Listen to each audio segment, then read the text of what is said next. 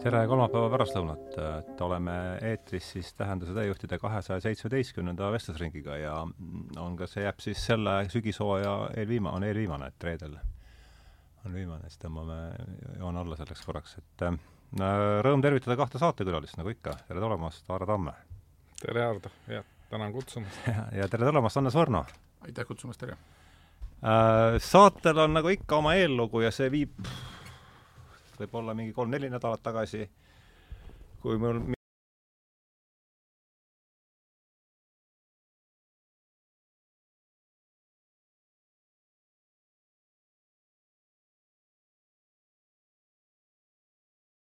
teisel pool ühekorruselises või esimesel korrusel, ka kolmekorruselises majas ja meil oli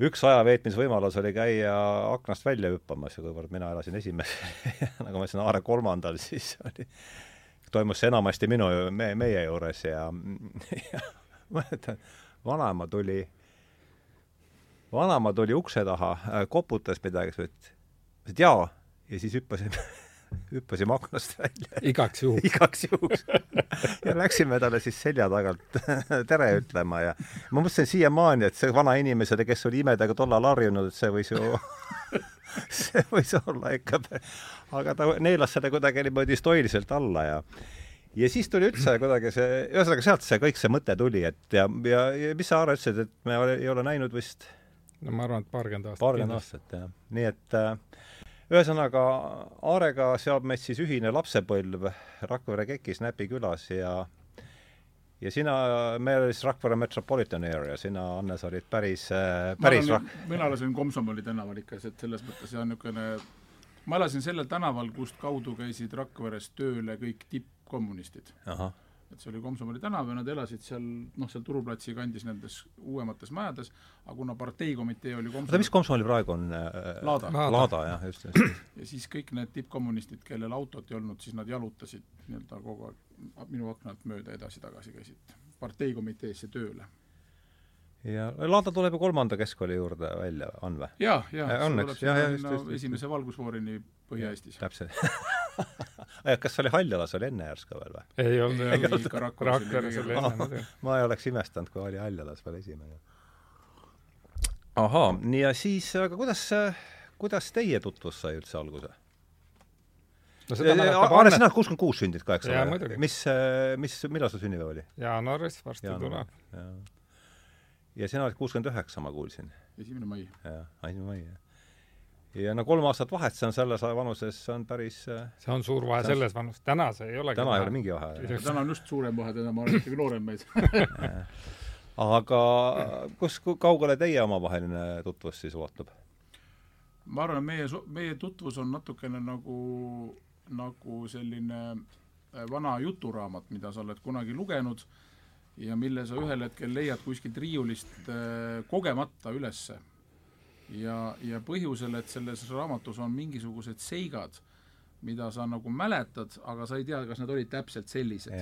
siis sa võtad selle uuesti kätte, hakkad seda niimoodi sirvima ja vaatama ja, ja niimoodi meil oli see nii-öelda renessanss või tagasi, tagasi tutvumine oli uuesti, sest et noh, esimest korda, kui me kokku saime, siis mina noh, nooremana mäletan seda korda väga hästi, aga Aare seda muidugi ei mäleta, sest ta oli siis ikkagi kolm aastat vanem ja, ja see oli niisugune aeg, et ma mäletan, ma olin vist neljandas klassis, sa olid seitsmes või midagi seesugust umbes. no pidi olema, jah. jah, mingi kolm, mingi see vahe. ja meil oli selline sa olid kolmandas keskkoolis, eks ole? ma olin kolmandas keskkoolis, ta oli tervelt esimeses. no mina tulin hiljem alles, ma olin alu, aluveres seal oli, meil oli selline lugu, et Rakvere kolmandal keskkoolil ei olnud sellel hetkel poiste tööõpetuse noh, nii-öelda siis kateedrit või siis ütleme siis sellist ruumi või hoonet või, või, või midagi seesugust. see toimus siis esimeses, jah? ja toimus selle esimese keskkooli tööõpetuse õpetamise juures, selle kuur, kurikuulsa Valgu juures, kes kelle kohta räägiti, pioneerid sosistasid, et see oli jah, siis mul tuleb meelde. sul tuleb, sul tuleb meelde või? no muidugi. et oli Saksa sõjaväes koolist läksime sinna. ja, ja mina keskkoolis seda enam ei olnud. ei, see oli, see oli ta keskkoolis? ei olnud, ei olnud keskkoolis, keskkoolis meie käisime, keskkoolis hakkas see spetsialiseerumine pihta, et meie olime nii-öelda autod ja teie olite yeah. siis matefüüsika, aga see, see pidi olema ikka enne keskkooli, jah? ja, ja, ja mina, mina olen tast ainult kuulnud, jah mm. -hmm ja siis oli nii, et meie, meie, meie tööõpetust andis, andis seesama, seesama legendaarne härra Valk, Saksa Priit oli ta eesnimi. oli vist jah, Priit, Priit Valk. Priit Valk, jah. väga, väga selline, no ta oli sellise stoilise, nagu ta oli niisuguse tektoonilise niisuguse saksa olemisega niisugune oli, oli jah. ta oli ikka, ta oli ikka näha, et ta oli teeninud nii-öelda Hugo Bossi ülikond seljas nagu oma nooruses, eks. ja ikka ideeline. ideeline, mitte lihtsalt niisama asi hakanud. ta ikka päris ja me saime ja ma mäletan, seal oli kevadine aeg hakkas kätte jõudma ja oli see väga selge oli see, et siis läksid mingisugused kolmanda või neljanda klassi niisugused pusled läksid sinna tööõpetuse majja ja seal olid sellised kaheksanda klassi kraaded, kes tulid sirelipõõsast suitsetamast. ja siis öeldi nii, nüüd jagage ennast pooleks, et iga, iga suur poiss või iga, no ühesõnaga iga suur, suurem poiss võtab endale paariliseks ühe väiksema Aa, poissi. sealt, sealt tulebki siis tutvus? siis meil oli kuidagi, juhtus niimoodi, et, et meil saime kuidagi, Aare võttis mul umbes nagu kratis, ütles, et okei okay,, tule sina, tule sina mulle paariliseks ja siis te nüüd te peate kahekesi pesakasti tegema, ühe, ühe linnu pesakasti. nii et me oleme teinud jah, Eesti kõige kiirema mehega suuskadel oleme ehitanud koos üles ühe pesakasti, mis oli meie esimene ühisprojekt ja see peaks olema teatripargis isegi tänaseni, kui ta, kui ta pole kellelegi ette jäänud või loodus pole temaga oma tööd teinud, eks ju. See oli siis puust ikkagi? see oli ikka, tollel ajal tehti puust asju. Mehed olid rauast jaa, see oli niisugune tore aeg, me saime selles mõttes, töö viis meid kokku või niisugune tööõpetus, ütleme nii. aa, niimoodi? aga siis oli jah muidugi see, et eks me olime niisugused tatikad ja selles mõttes ega meil siin mingisugust niisugust, et, et sa, Aare ei küsinud pärast, et umbes, mis sa pärast tundi teed, et äkki lähme kuhugi või teeme midagi veel koos, eks ju. tund sai läbi ja siis sinna see jäi ja sel ajal sa ei suitsetanud ka vist, meil ei olnud ühiseid huvisid. ei kus, ma isegi plikasid ei vaadanud veel nii väga aga jaa, see oli niisugune, aga ei, Aare oli ju legend, noh, ta oli ikka Rakveres niisugune, kui kes, kes ei teadnud Tamme Aaret, see polnud nagu Rakveres üldse käinud, eks ju. et ega siis ei olnud mingisugune lihtsalt niisama mingisugune, mingi mees aga sinu legendistumine hakkas ikkagi tänu mäesuusatamisele, eks, ega seal ju ma arvan, või? no ma ei oska öelda, eks siin, eks siin need linnalegende on ju igasuguseid, aga, aga ise ma mäletan ennast või, või küll suht, suht algusest peale, et sinna, sinna mäesuusatamise juurde ilmselt suure tõuke andis mul ikkagi Innsbrucki olümpia. jah, seitsekümmend kuus. jah, noh, see enne seda oli veel kuuskümmend neli olnud, kus oli Ants Antson. kuuskümmend kaheksa Grenoble ja Sapporo veel, aga seal siis me olime nii tatikad, et Sapporo oli seitsekümmend kaks vist, jah Klammer võitis kiirraskumise, eks ole, Franz Klammer. just, no kõik me olime klammerid siis, ükskõik mis see kekatund ei olnud suuskadel, siis kõik, küll nad Vallimägi ja Kõrgekas, olid kõik kõik oli klammereid täis jah, sel ajal, et noh. aa, seitsekümmend kuus olümpia oli siis ja, see? ja, ja siis ma mäletan, et, et noh, ennem tõenäoliselt natukene, sellepärast et ma olin esimeses klassis äkki või, või oli teises, kui kui siis noh mm,, raske on öelda, mis see oli või kes see oli või kust see nõu tuli, aga, aga siis ma kuulsin, et Rakveres sõidetakse mäesuusatamist kohe päriselt ja on Rakveres laste-noorte spordikool oli sel ajal sealsama staadioni peal, kollane puumaja ahjuküttega mäletan väga hästi ja seal oli siis ütle, oli... ütle veel, kus oli see, kollane maja tuleb, kus see oli, see spordikool?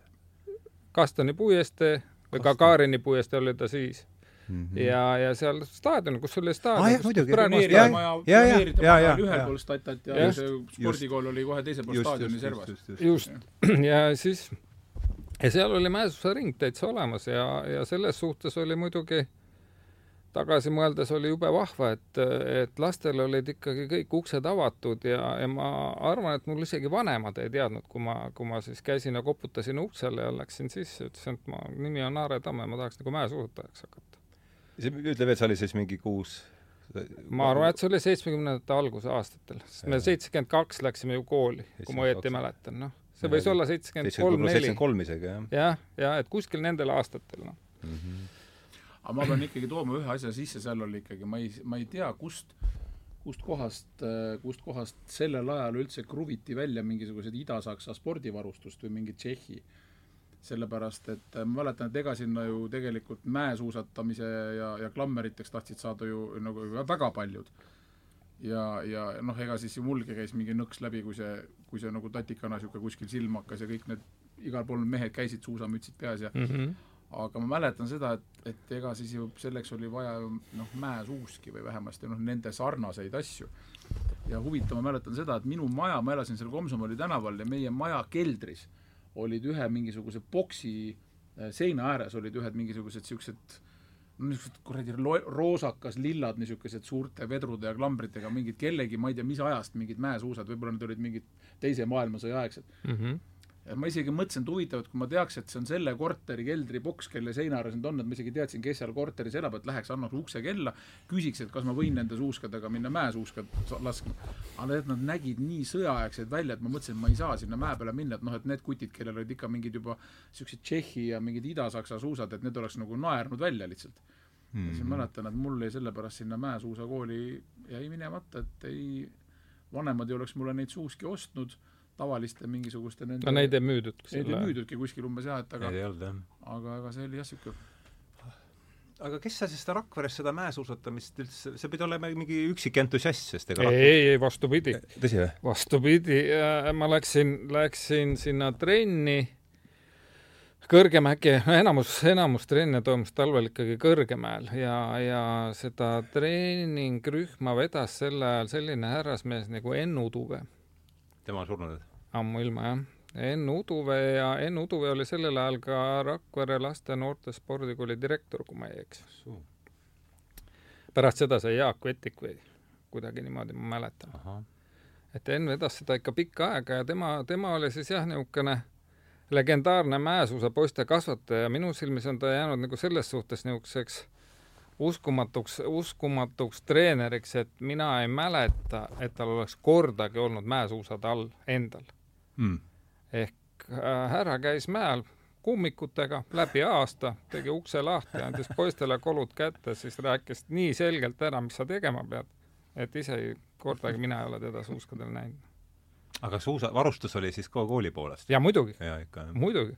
mingid Tšehhi, Tšehhi asjad, Tšehhi suusad? noh, ma nüüd ei tea, kust need tehtud olid, eks, eks nad ilmselt olid jah, Poola ja, ja Jugoslaavia sel ajal ja, ja. ja suurteerühm oli seal siis? see oli ikka suur, noh. Nii et esimene aasta, esimene talv, ma mäletan, et oli niimoodi, et meil ei jätkunud suuski ja oli, oli, ilmselt olid nädalalõpupäevad need, kus ikkagi istusid ja lihtsalt vaatasid paar tundi, kuidas ülejäänud suusatasid ja siis, kui trenn hakkas lõppema, siis uue poisina said ka paar liugu teha. ja siis hiljem hakkas nagu jätkuma ja ma mäletan, et, et läks ikka mitu-mitu aastat, ma võisin olla juba mingi, mingi kaksteist, kolmteist, kui ma sain siis linnakoondisesse, et äh, Rakvere nagu linna koosseisus üldse nagu Otepääle vabariiklitele päästa.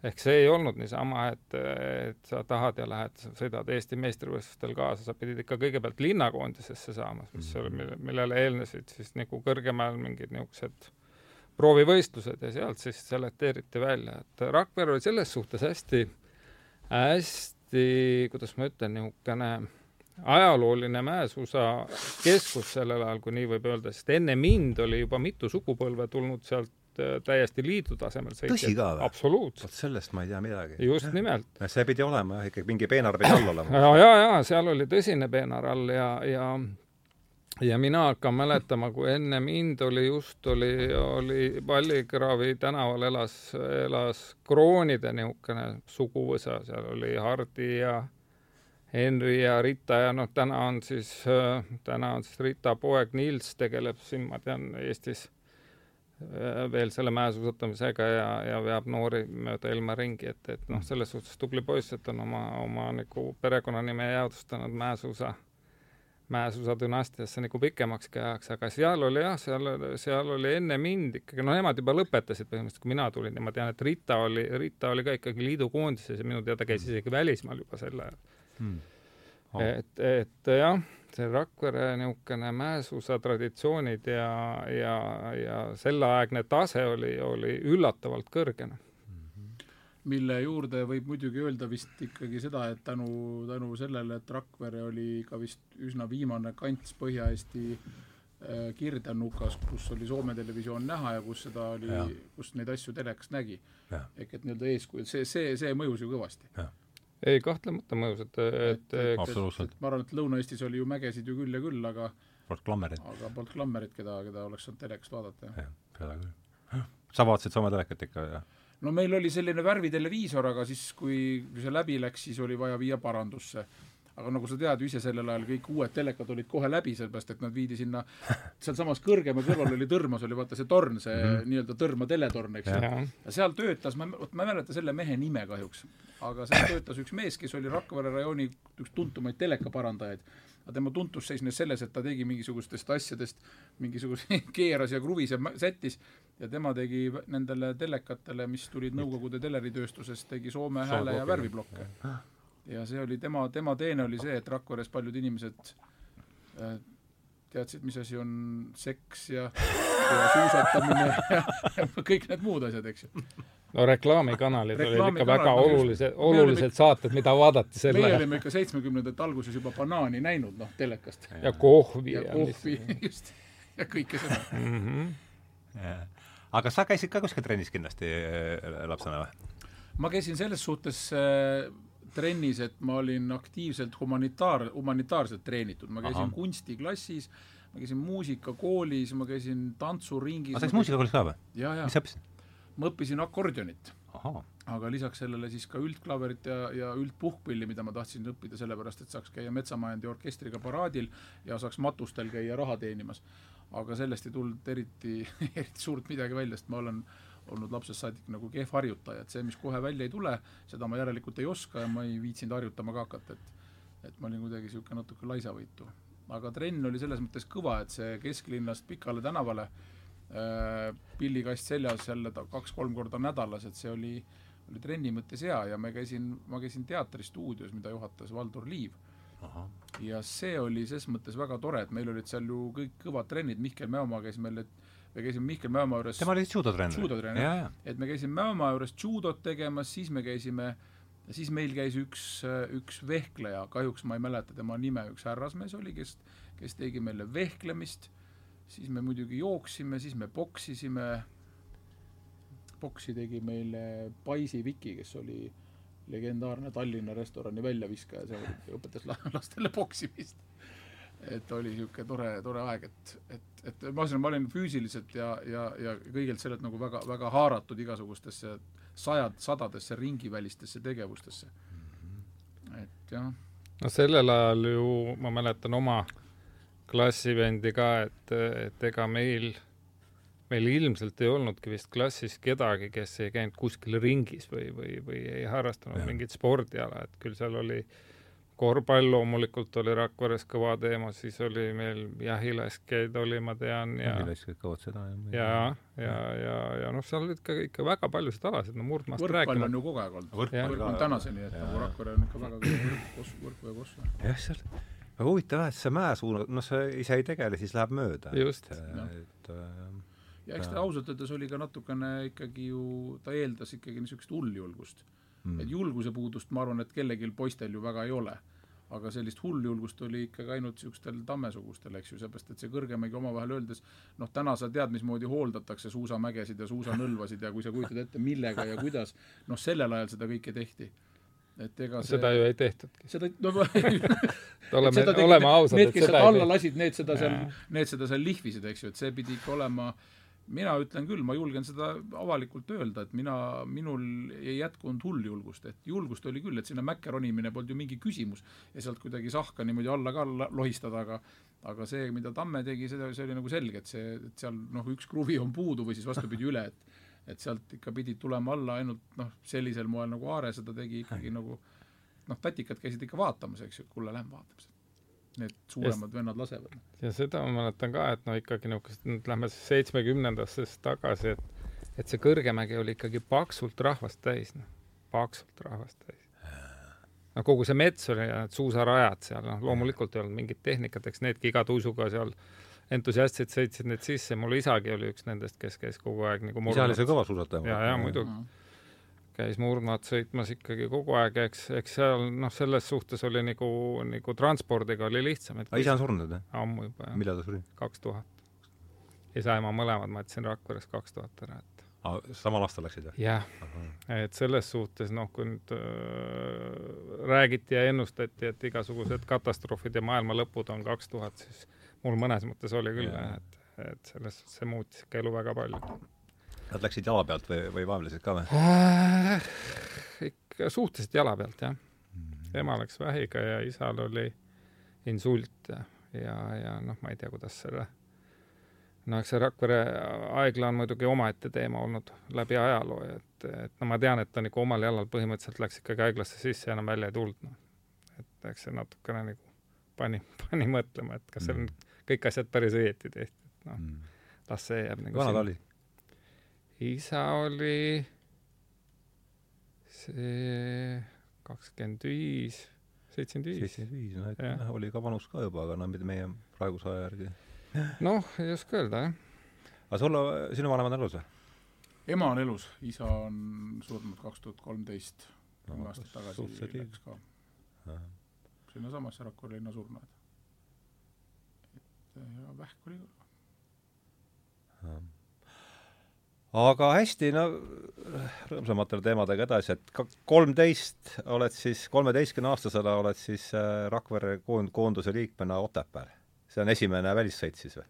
jah, ja, ja see oli suur sündmus. No bussiga mindi ja buss oli rahvast täis ja noh, siis murdmaasuusatajad ja kõik või? ja, ja muidugi, see- murdsikad käisid ja, ja mäed ja ma mäletan, äkki oli veel passbuss niisugune, millega me ma läksime. just tahtsin küsida, et mis buss see ja, võis ja olla, äkki oli passbuss oli seal ja vist, vist oli isegi spordikooli oma buss või? noh, külm ja aknad jääs ja nagu ikka no niisugused seiklused olid kõvad, aga noh, vähemalt on siiamaani meelde no muidugi. ja siis jah, siis, siis lootused olid kõvad ja noh, siis ma sattusin sinna Munamäele esimest korda, mis oli nagu nii suur mägi. Et noh, ikka võttis nagu Rakvere poisi tummaks, noh. Muidugi alt vaatasid, lõppu polnud näha, kas ta keeras kuidagi niimoodi nurga taha veel üles. ohoh, okei okay. ja siis seal oli jube äge, noh siis olid niisugused tavalised need rosttõstukid olid, kuhu pandi siis niisuguse konksuga ennast kinni ja ja see oli ka äge, siis vaatasid seda tõstukiliini, sest Rakverest oli niisugune suht nagu tasane oli ülemine ja alumine jaam olid nagu näha, vaatasid. Aga Otepääl ei olnud, vaatasid üles. ja ei olegi näha.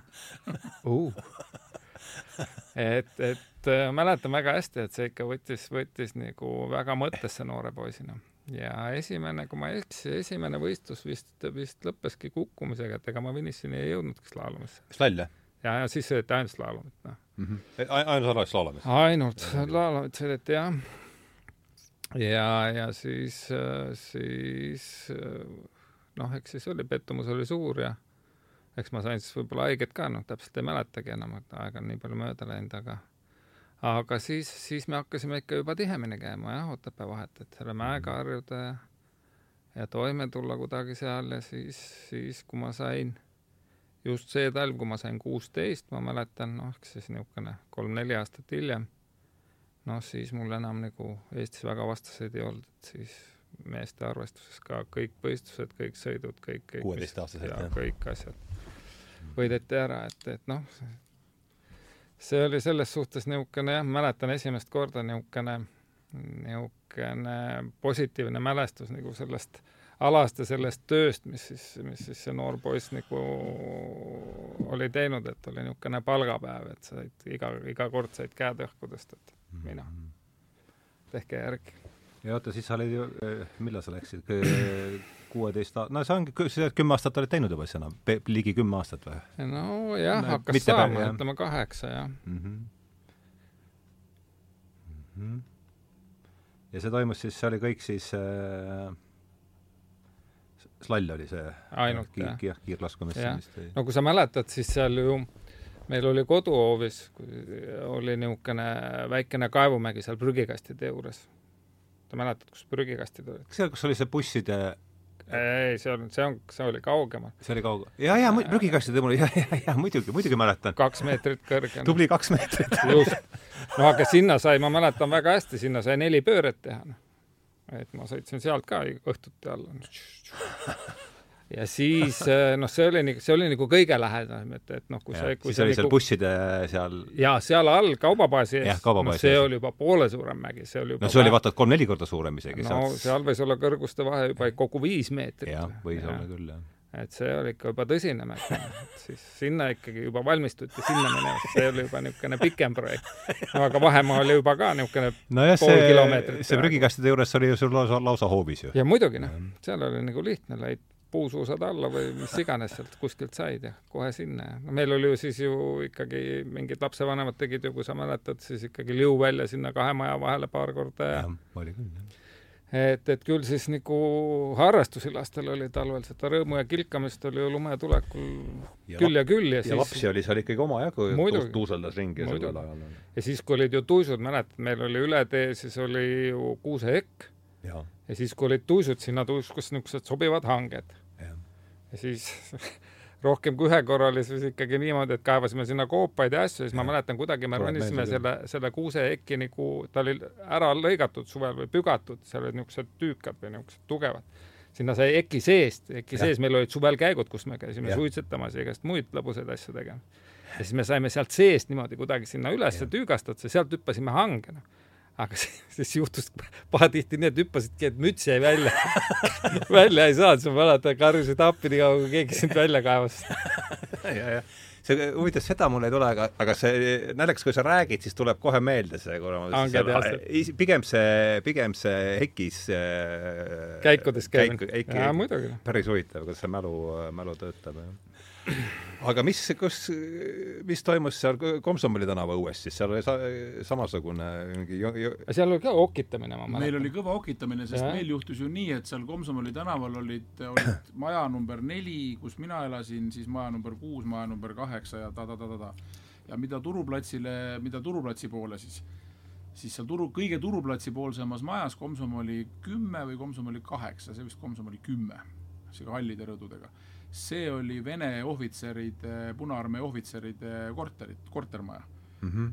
ja seal elasid siis, ma ei tea, kas nad olid alates kaptenist või alates majorist, ehk et selles mõttes nii-öelda siis nagu ikkagi ohvitserkonna eliit e, eliitohvitserkonna sidevägede ja mis, mis seal Rakveres olid, piirikad ja side, piirikad, sidevägi ja ehitajad ja kes seal iganes olid ja, ja nende siis võsukesed olid meil niisugused noh, siis meievanused kutid, eks ole, kes käisid teises keskkoolis mm, -hmm. seal vene koolis ja siis meie Komsomoli tänava elu seisnes põhimõtteliselt selles, et et, et kui vene kutid pidid kooli minema, siis nad pidid minema meie maja eest mööda sinna teise keskkooli ja kui meie läksime oma kolmandasse keskkooli, siis me pidime minema vene kuttide maja eest mööda oma kooli.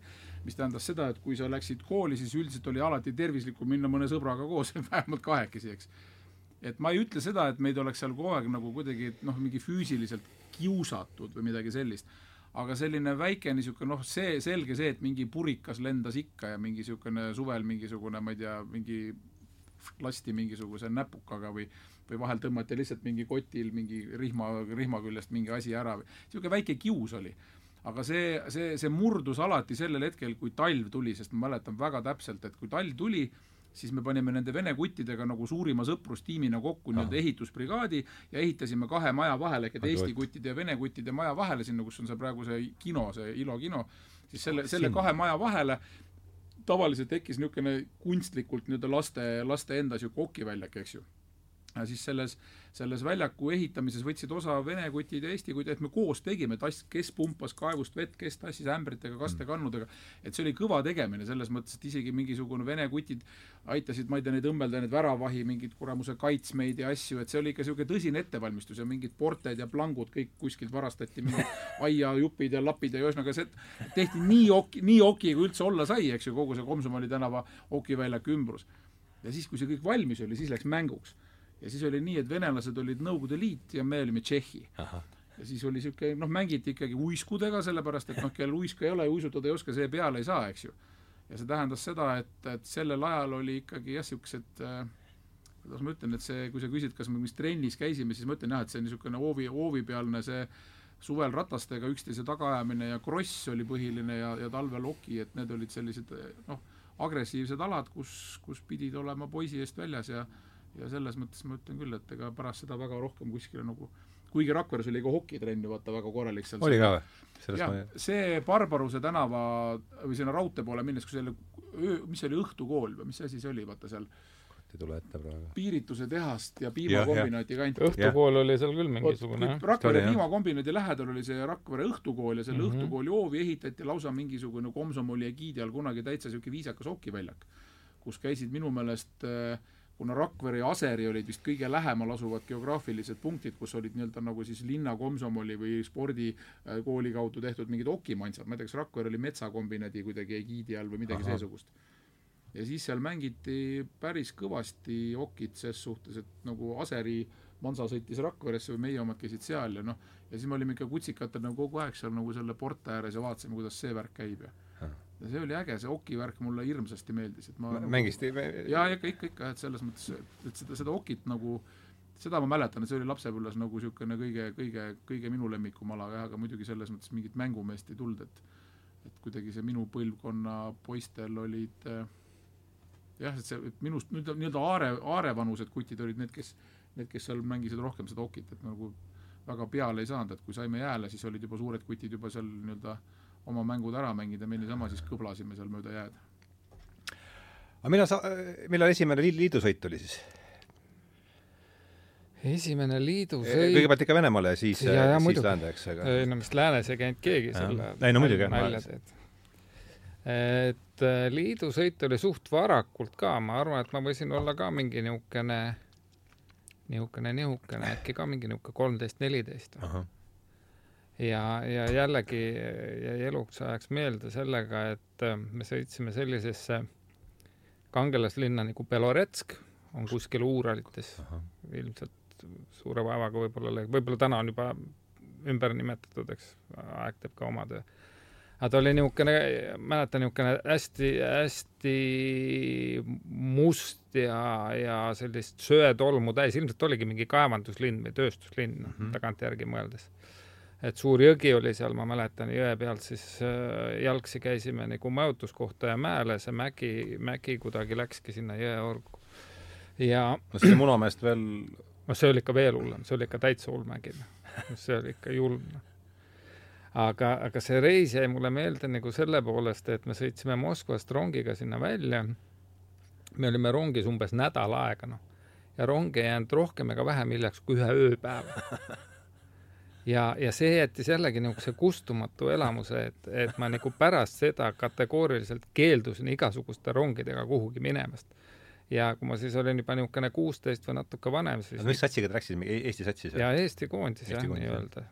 kuidagi, kuidagi mind siis nagu võeti sinna kaasa, mis koondis, no me olimegi mingi äkki kolme-neljakesi, seal olid paar siis vanemat, vanema põlvkonna esindajat ja siis, siis kuidagi näed, et noh, ju siis ikkagi märgati, et mind võeti suht noore kutsikana kohe kaasa, noh, et et sealt võib nagu midagi tulla ilmselt, et kui ellu jääb, siis äkki tulebki, aga noh, ma mäletan, et seal ma ka nagu väga kaugele ei jõudnud, sest see oli ikka nii suur ja kole ja jääs mägi, et et ja, ja mul, ikka, ikka slalli kogu aeg? ja, ja muidugi.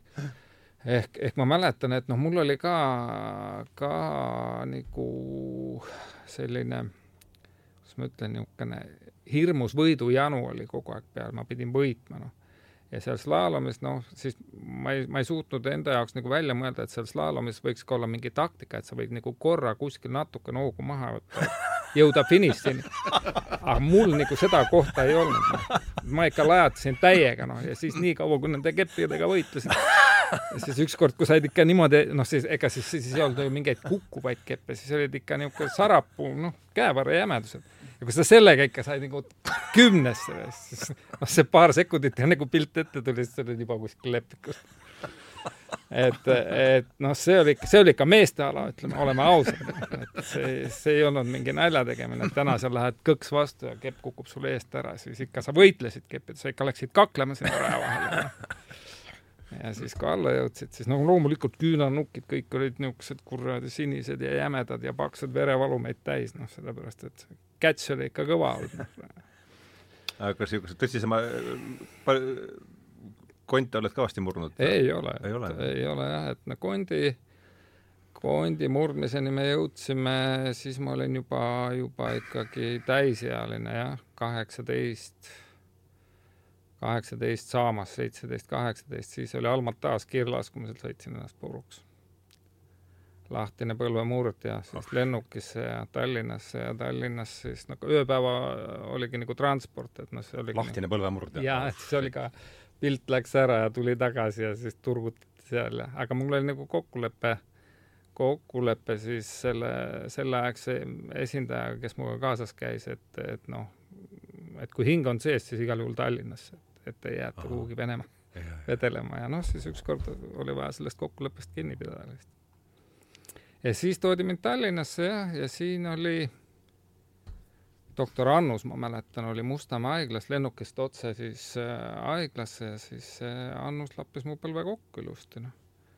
ja siis ma mäletan hästi, hästi, hästi niisugune, kuidas ma ütlen, niisugune tasakaalustatud mees oli, ma mäletan, väikest, ei olnud suurt kasvu, aga niisugune rääkis vaikselt. kas ta oli järsku Kalevi ko- korvpallikoondisega? ta oli vist Seda ma ei kõikide eestlaste spordi ja ma arvan küll, et- see doktor Annuse nimi on Ja, ja., kes on vähegi Ja. midagigi teinud mm või -hmm. või ennast kuskilt väänanud või vigastanud, need Ja. on käinud Annuse juures jah, vältimatult. ei ma ükskord mäletan teda see Kalevi on- korvpalli ta on nii legend-, legendaarne jaa. no teine vist oli Seppo ja Sepo kliinik, ma Sepo mäletan. See oli see oli teine niisugune aga doktor Annus oli jah üks niisugune, kes tegi niisugust kuidagi, kuidas ma ütlen, et ta oli nagu pirokov, et ta noh, suutis ilma tuimestuseta ka mõne kondi paika tõmmata, et ta Jah. oli väga, väga võimekas ja, ja, ja niisugune nii-öelda praktiseeriv, praktiseeriv traumatoloog ja väga, väga, väga mainekas ja hea mainega ar- ja arst. siis, ja siis ma mäletan, et noh, siis äh, ma olin hästi kaua olin seal haiglas sees, ma ei tea, miks sel ajal siis hoiti kuidagi jube kaua. mis hästi kaua tähendab, nädalad? ma ei, ma arvan, et isegi, isegi kuudest räägime.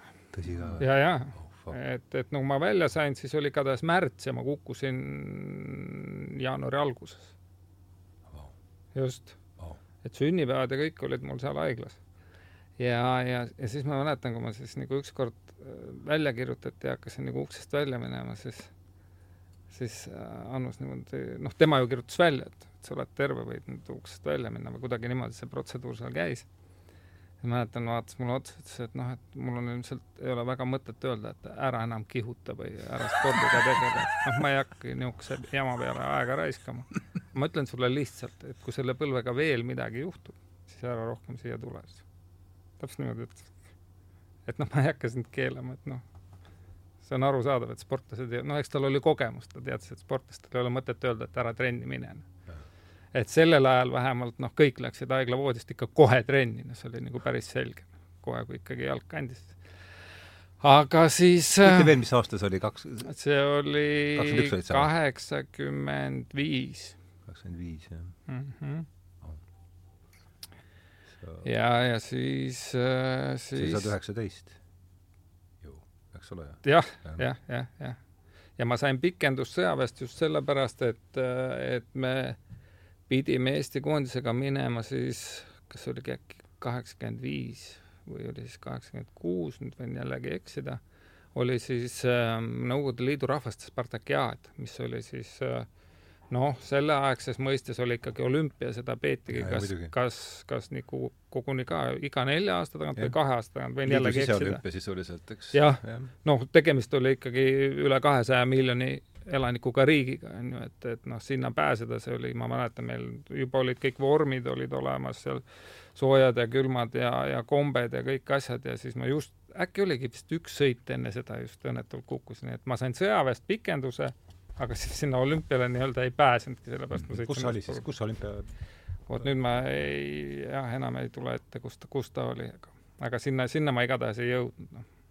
aga see oli vist, aita meenutada, kas see, kas see oli vist ju see aeg või see periood, kui, kui, kui oli enamasti seesama nii-öelda armee keskspordiklubi või siis kogu see, et, et Ja. kõik oli see nii-öelda DOSAF ja ja, ja see, see noortesport oli ju tegelikult üsna alg-, algusest peale ju äh, tippude tasemel või heal tasemel oli ju vaata mingisuguste nii-öelda nende CSKA CSKA ja, CSKA ja- keskspordiklubi ja Dünamo. ja Dünamo, Dünamo, jah. et nad olid ikkagi nii-öelda nagu riigi noh, nii nagu tänagi, eks ju, kõik noh, on olümpiamängud ja siis on armeemängud, kus võistlevad sisuliselt täpselt samad inimesed, aga lihtsalt noh, teevad nii-öelda profidena oma, oma võistlusi, eks ju. mm. -hmm. Et siis oli see ju samamoodi, et need igasugused liidu rahvaste Spartakiaadid ja kõik muud olid ju selgelt, olid ju sõjaväelaste nii-öelda sõjaväelaste sisemängud, eks ju. ja needsamad inimesed, kes seal võitsid, need läksid pärast siis olümpiamängudele. jaa, muidugi, jah. aga sina, Hannes, rääkisid, sa läksid kaheksa-aastaselt ära siis ei, Rakverest? või, või kaheksas klassis jah, ja, ja, ja, ja, ja jaa, ma läksin Tartusse õppima kunsti, sellepärast et mul kuidagi kuidagi jah, juht-, see oli ka nii naljakas juhus, et vaata Rakveres turuplatsi ääres oli raamatukauplus. jaa, mäletan hästi. Väga hea raamatupood oli see ja, ja raamatupoes oli selline lugu, et seal müüdi mingisuguseid raamatuid, mida, mida vabalt ei jagunud inimestele ja Jah. selleks, et osta mingit raamatut, pidi viima kas vana paberit või siis Jaa, mingisugust kuradi mingit jama pidi kogu aeg tegema, et ühesõnaga mingeid raamatuid saada. ravim taimi. just. Mhm. ja ma mäletan seda, et oli üks mingisugune raamat, mis ilmus, mille pealkiri oli Saiad, koogid, pirukad. ja selle Saiad, koogid, pirukad raamatu vastu tundis minu ema väga suurt huvi. ja ta ütles, et tal on seda väga vaja, seda raamatut ja siis mina pidin minema kuskile vedama, ma ei tea, mingit ajalehti ja makulatuuri ja ühesõnaga aga siis tänu sellele, et ma vedasin seda makulatuuri, et saada see vana paberi tõend, et saaks raamatupoest raamatu osta, siis andis ema mulle raha, et osta endale ka siis mingi raamat, mis sulle meeldib Mhm. Ja ma mäletan seda, et seal raamatupoes oli, noh, ma olin sellest raamat, sellest ajalehepakkide tassimisest ja sellest käed põlvini ja karupüksid märjad ja hüvasti nooruse lukud katki jõudsin sinna, seisin selle pika järjekorra ära seal Turuplatsi serva ääres, seal lahti lükkamata kõnniteel, eks ju, talve ajal nagu praegu. ja siis ma mäletan, ma ostsin sealt äh, selle emale selle Saiad koogid piruka raamatu ja kuna ma võisin ise ka osta, siis ma ostsin ühe raamatu, mille pealkiri mul on nii täpselt meeles. see oli raamat, mille pealkiri oli Kuueteistkümne mäng ja see oli üks äh, karikaturistide niisugune almanahh, milles oli siis kuusteist tolleaegset Eesti tippkarikaturisti, kes olid teinud siis noh, igaüks mingi kolm-neli-viis karikatuuri, mis olid kogutud ühte sellisesse kogumikku. ja ma vaatasin seda, sest mulle meeldis kuidagi, ma ei tea, ma ei tea, kas ma tahtsin nalja saada, mulle tundus, vot see on see raamat, mille ma pean ostma ja, ja ma hakkasin kodus nende karikaturistide kohta lugema, et kes nad seal on ja ma nägin seal üsna mitmel oli nii, et et see nende CV-s oli see, et lõpetanud Tartu kunstikooli, õppinud Tartu kunstikoolis. Mhm. siis ma võtsin kodus kapist Ene lahti, vaatasin nii, mis asi on Tartu kunstikool, ahah, selge, et see on mingi Tartu kunstkäsitöökooli või selle kunagise Pallase mantlipärija selle, selle järg, selle jätk ja sabad, eks ju ja siis ma hakkasin seda uurima, siis ei olnud ju midagi guugeldada, siis sa pidid võtma kauge kõne, kas kodunt tellima kauge kõne või helistama kuskile Tartusse, seda oli viieteistaastane nolk, eks. Mhm. ja siis ma sain selle Tartu kunstikooliga ühendust, ütlesin tere Oh. et kas niisugune kool ongi olemas ja tere, tere, Ene, Ene väidab, et Ene väidab, et on, umbes nii. ja siis selle Ene, Ene, Ene peale ma sain, ma ei mäleta, kuidas ma selle Tartu kunstikooli telefoninumbri siis sain. Aga igatahes, kui ema-isa tulid õhtul töölt koju, siis ma teatasin, et, et kuule, ma rääkisin täna Tartu kunstikooli oh. ühe õpetajaga või kellegagi, kes sealt mulle vastu võttis ja, ja see kutsus mind Tartusse homme, et ma pean homme Tartusse sõitma. siis ema-isa vaatasid üksteise otsa, siis noh, kuidagi tundus veider, aga hea küll, eks siis sõida, noh. oli vist, vahest sain vist isegi koolist jah, vabastuse umbes, nii et see oli mingi kaheksas klass umbes ja siis ma sõitsin Tartusse ja läksin sinna sellesse Tartu kunstikooli, leidsin selle maja kuidagi ülesse ja kusjuures veel huvitav, ma Tartus, ma mäletan bussijaamas ma küsisin teed. mõtlesin, ma ju ei tea, kus see kunstikool siin asub ja kuidas sinna Tartu kunstikooli juurde üldse pääsebki. ja vaata, kui suur linn oli ju Tartu Tartu peal. oli ikka Rakvere ja see on nagu Munamägi ja Muidugi. Kõrgemägi. ja siis ma mäletan seda, et see oli kuidagi jälle niisugune juhuste ja saatuse kokkumäng, et ma sattusin Tartus bussijaamas küsima esimeselt vastutulijalt teed.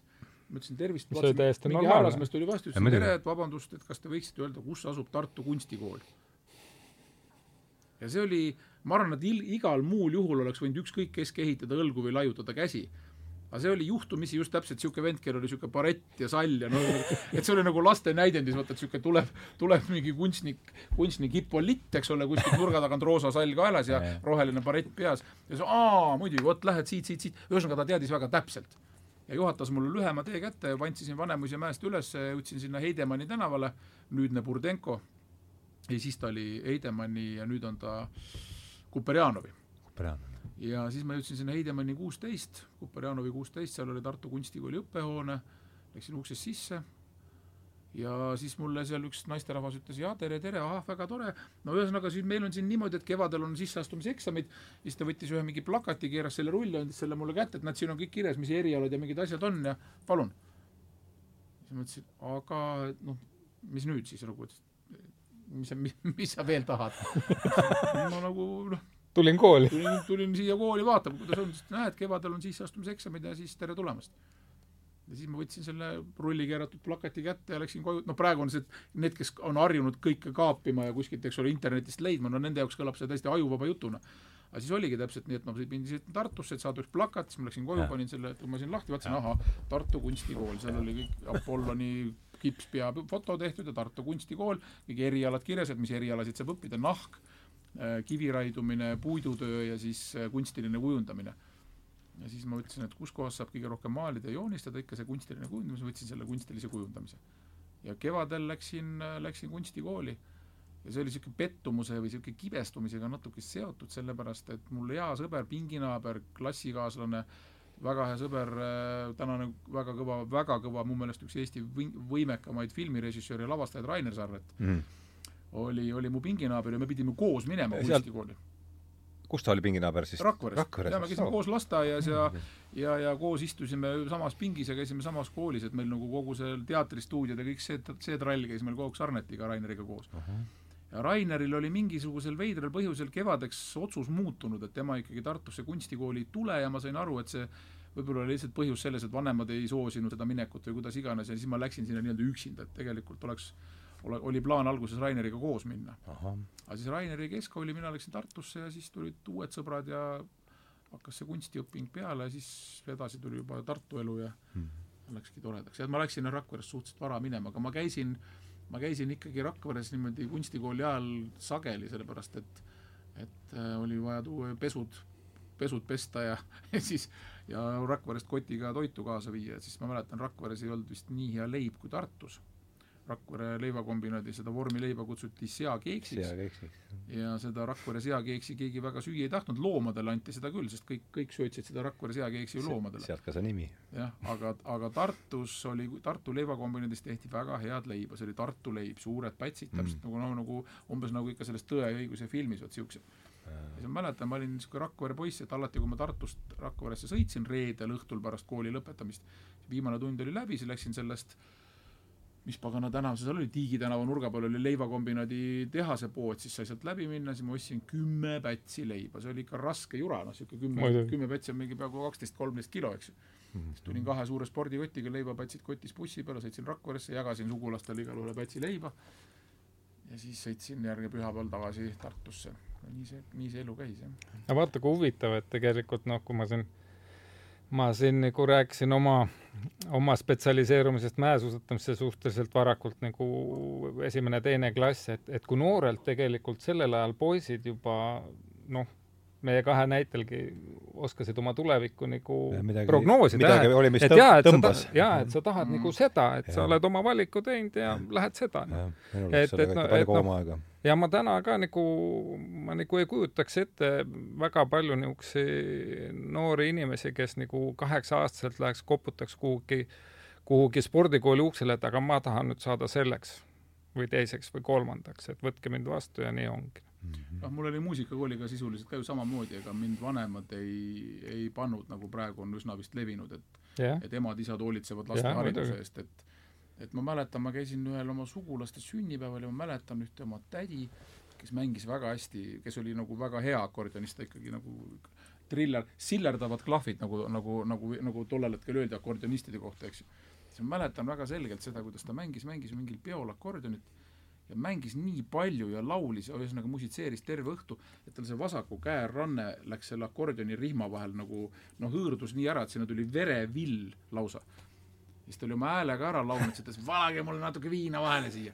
siis tal valati seda niimoodi pitsikene viina, et ta sai jälle siis nii-öelda edasi mängida, eks. siis ma mäletan, ma olin niisugune väike kutsikas, ma ei tea, niisugune kolmanda või teise klassi poiss, ma niimoodi käed põõsas vaatasin seda, kuidas tädi mängib ja kuidas nagu mõtlesin, et pagan, see on ikka, see on ikka selline hevi, et sa saad akordioniga nagu käe veriseks ja see tundus nagu tollel hetkel ikka nagu nii kõva sõna, eks ja siis ma läksin ise tönn-tönn muusikakooli ja ütlesin, ma tahaks, ma tahaks tulla ise muusikakooli akordionit õppima, et see just sellepärast, et see tädi, tädi sellisest kirega tehtud niisugust nagu piatsollalik niisugune no, see tundus nii võimas, et see, ma mõtlesin, et kurat, ma tahan ka samasugust asja teha, see, oli enda ka käima. kõva, kõva käimatõmbaja, jah. Ja no akordion ju sellel ajal ei puutunud ühestki sünnipäevast ega ja, see oli lahutamatu just, osa igas ja. seltskonnas. see mulle, mulle siiamaani meeldib üks, üks, üks akordioni kohta ilusamaid ütelusi, mis on tõsiselt vaimukas, on see, et et tõelise džentelmeni tunnus on see, kui ta oskab mängida akordionit, aga ta ei tee ja. seda. ma olen kuulnud seda Tom Waitsilt jah, et tõeline, tõeline härrasmees mängib laitmatult akordionit, aga ei tee seda kunagi see mulle ka meeldib aga hakkasid slaalomist pihta, aga, aga põlve murdsid juba kiirlaskumisega, et räägi palun see, kuidas see hüpe ja kuidas see toimus ja sealt no, siis edasi juba sööstlaskumiseni. jah, no see oli niisugune, see oli niisugune selle ajastu niisugune loomulik evolutsioon, ütleme. et sõitsime slaalomit, slaalomit ja siis, äh, kui hakkasime liitu käima, siis äh, maailmas tekkis, tekkis või ilmselt oli olnud ka kogu aeg, aga noh, siis meie mõistes nagu oli niisugune uus termin oli Alpi kolmevõistlus. ahah, see slaalom, suurslaalom ja kirjas. just nimelt ja seal siis kuidagi jah, seal siis kuidagi loeti neid punkte punkte ja siis, kui me hakkasime liitu käima, noh, sa pidid vägisi, vägisi nagu neid kõiki kolme sõitma, no mis oli jällegi täiesti nagu nagu uus etapp minu arust, sest ma ei olnud ju Eestis kirlaskumis suuski näinud, ilmselt polnudki neid sel ajal üldse olemas Eestis ühtegi paari, no ja siis, kui sa ükskord sattusid kuhugi Venemaale, siis sulle öeldi, et kuule, et aga homme on kolmas ala, on kiirlasku. ahah, et see hakkab vaata sealt. oo, okei, saad aru, teadmata üldse nagu, et ja, ja siis, et, et noh, seal nagu ei pidurdata, vaid see on nagu ja siis on siin jutt ja kui siit tuled üles, siis ongi juba kõik hästi. ja, ja noh, trenni võimalust ju polnud olemas, noh Eestis mägesid ei olnud ja siis esimest korda seisidki seal all ja mõtlesin, et keegi, noh, kuskilt toodi jälle suusad ja kuskilt toodi kiiverpann ja pähe alt kinni sinna. siis mõtlesin, noh jah, no eks tuleb siis minna. ja, ja äkki oligi Ukrainas Slavskos, kui ma nüüd õieti mäletan, või oli Kiiros, kui ma võin, võin kahte kohta segamini ajada, aga need olid põhikohad, kus nagu kiirlassumist sõideti sellel ajal. ja, ja ja mäletan, noh, siis need rajad olid samamoodi, et noh, kui me täna vaatame, et kõik on niisugused peegelsiledad ja jube ägedalt hüppavad ja kõik, siis, siis seal olid ikka niisugused noh, põlvini augud ja rööpad ja lumehanged olid rajas ja sa panid hooga läbi, nii et pauh-pauh, lund lendas igale poole. aga noh, see võitlus oli ka niisugune omaette jah, niisugune, kuidas ma ütlen, niisugune proovikivi, mis oli siis vaja läbi teha ja ellu jääda ja alla tulla ja, ja siis see hakkas mulle meeldima. ja seal ma, seal ma jah, nagu esimesed võistlused, ma mäletan, et ma jõudsingi nagu finišini, et ei juhtunudki nagu väga midagi hullu ja siis hakkas mulle meeldima ja, ja siis äh, ei läinud kaua mööda, kui siis juba hakkasime ka Otepääl panema, siis noh, siis ma tõin sealt mingid suusad ja asjad kaasa ja ma mäletan, kuidagi see asi hakkas nagu arenema ja siis, siis, äh, siis ma kolisingi rohkem nagu Otepääle juba Rakverest ära see aasta on siis kusagil kaheksakümmend mingi no me hakkame kaheksakümnendatesse jõudma ikkagi jah, jah, jah, kuskil mm -hmm. niimoodi jah, kaheksakümnendate algus, et noh, kümme aastat ma olen nagu slaalomit sõitnud ainult ja siis jah, ma mäletan, peale kümmet aastat siis ma hakkasin nagu kiirlaskumisega ka tegelema. see oli siis keskaeg siis või? see oli keskaeg siis jah mm. -hmm. ja ega ma siis noh, keskas, keskas, no keskaga oligi niisugune keeruline lugu, et noh, keskas siis ikkagi A-tamme nagu lumi tuli maha, siis teda enam koolis ei olnud, noh, siis ta oli ikka kadunud, noh ja siis, kui ma kevadel uuesti sinna keskasse tagasi jõudsin, siis ma mõtlesin, et huvitav, millest nad siin tunnivad. okei okay., matemaatika, oh ah niimoodi käivad asjad. sa olid ikka nagu noh, täiesti teiselt planeedilt, sa oled ju maha jäänud. loomulikult õppealajuhatajale lubasid, et õpikud on kaasas ja õpitakse, aga noh, nii nagu sa ikka mägedesse jõudsid, ei olnud need õpikud, nad said rahulikult seal kohvris edasi olla, et ei olnud hullu. aga mis oli, mis oli teistpidi nagu, oli positiivne, meil oli ju vene keele õpetaja sellel ajal oli niisugune lühikest kasvu proua oli Tammemägi, oli ta perekonnanimi. jah, mäletan teda küll. ma ei mäleta eesnime, äkki ütled mulle kas see oli Aira või? võis olla või? ma võin panna täitsa kusagilt. ja ei, ma jah, ma jään ka selle võlgu, aga ta oli hästi-hästi lahe proua oli, et et äh, noh, siis äh, kooli tulles siis, kui lumi oli sulanud, Tamme laekus Rakveresse, siis, siis äh, noh, loomulikult olid, keegi oli jälle kuskilt mingeid esseeneid pähe õppinud ja veel mingeid asju pähe õppinud ja siis, kui küsiti Tamme käest, et noh, et mis sa selle kohta ei noh, tubli onu oli kindlasti, et las ta olla.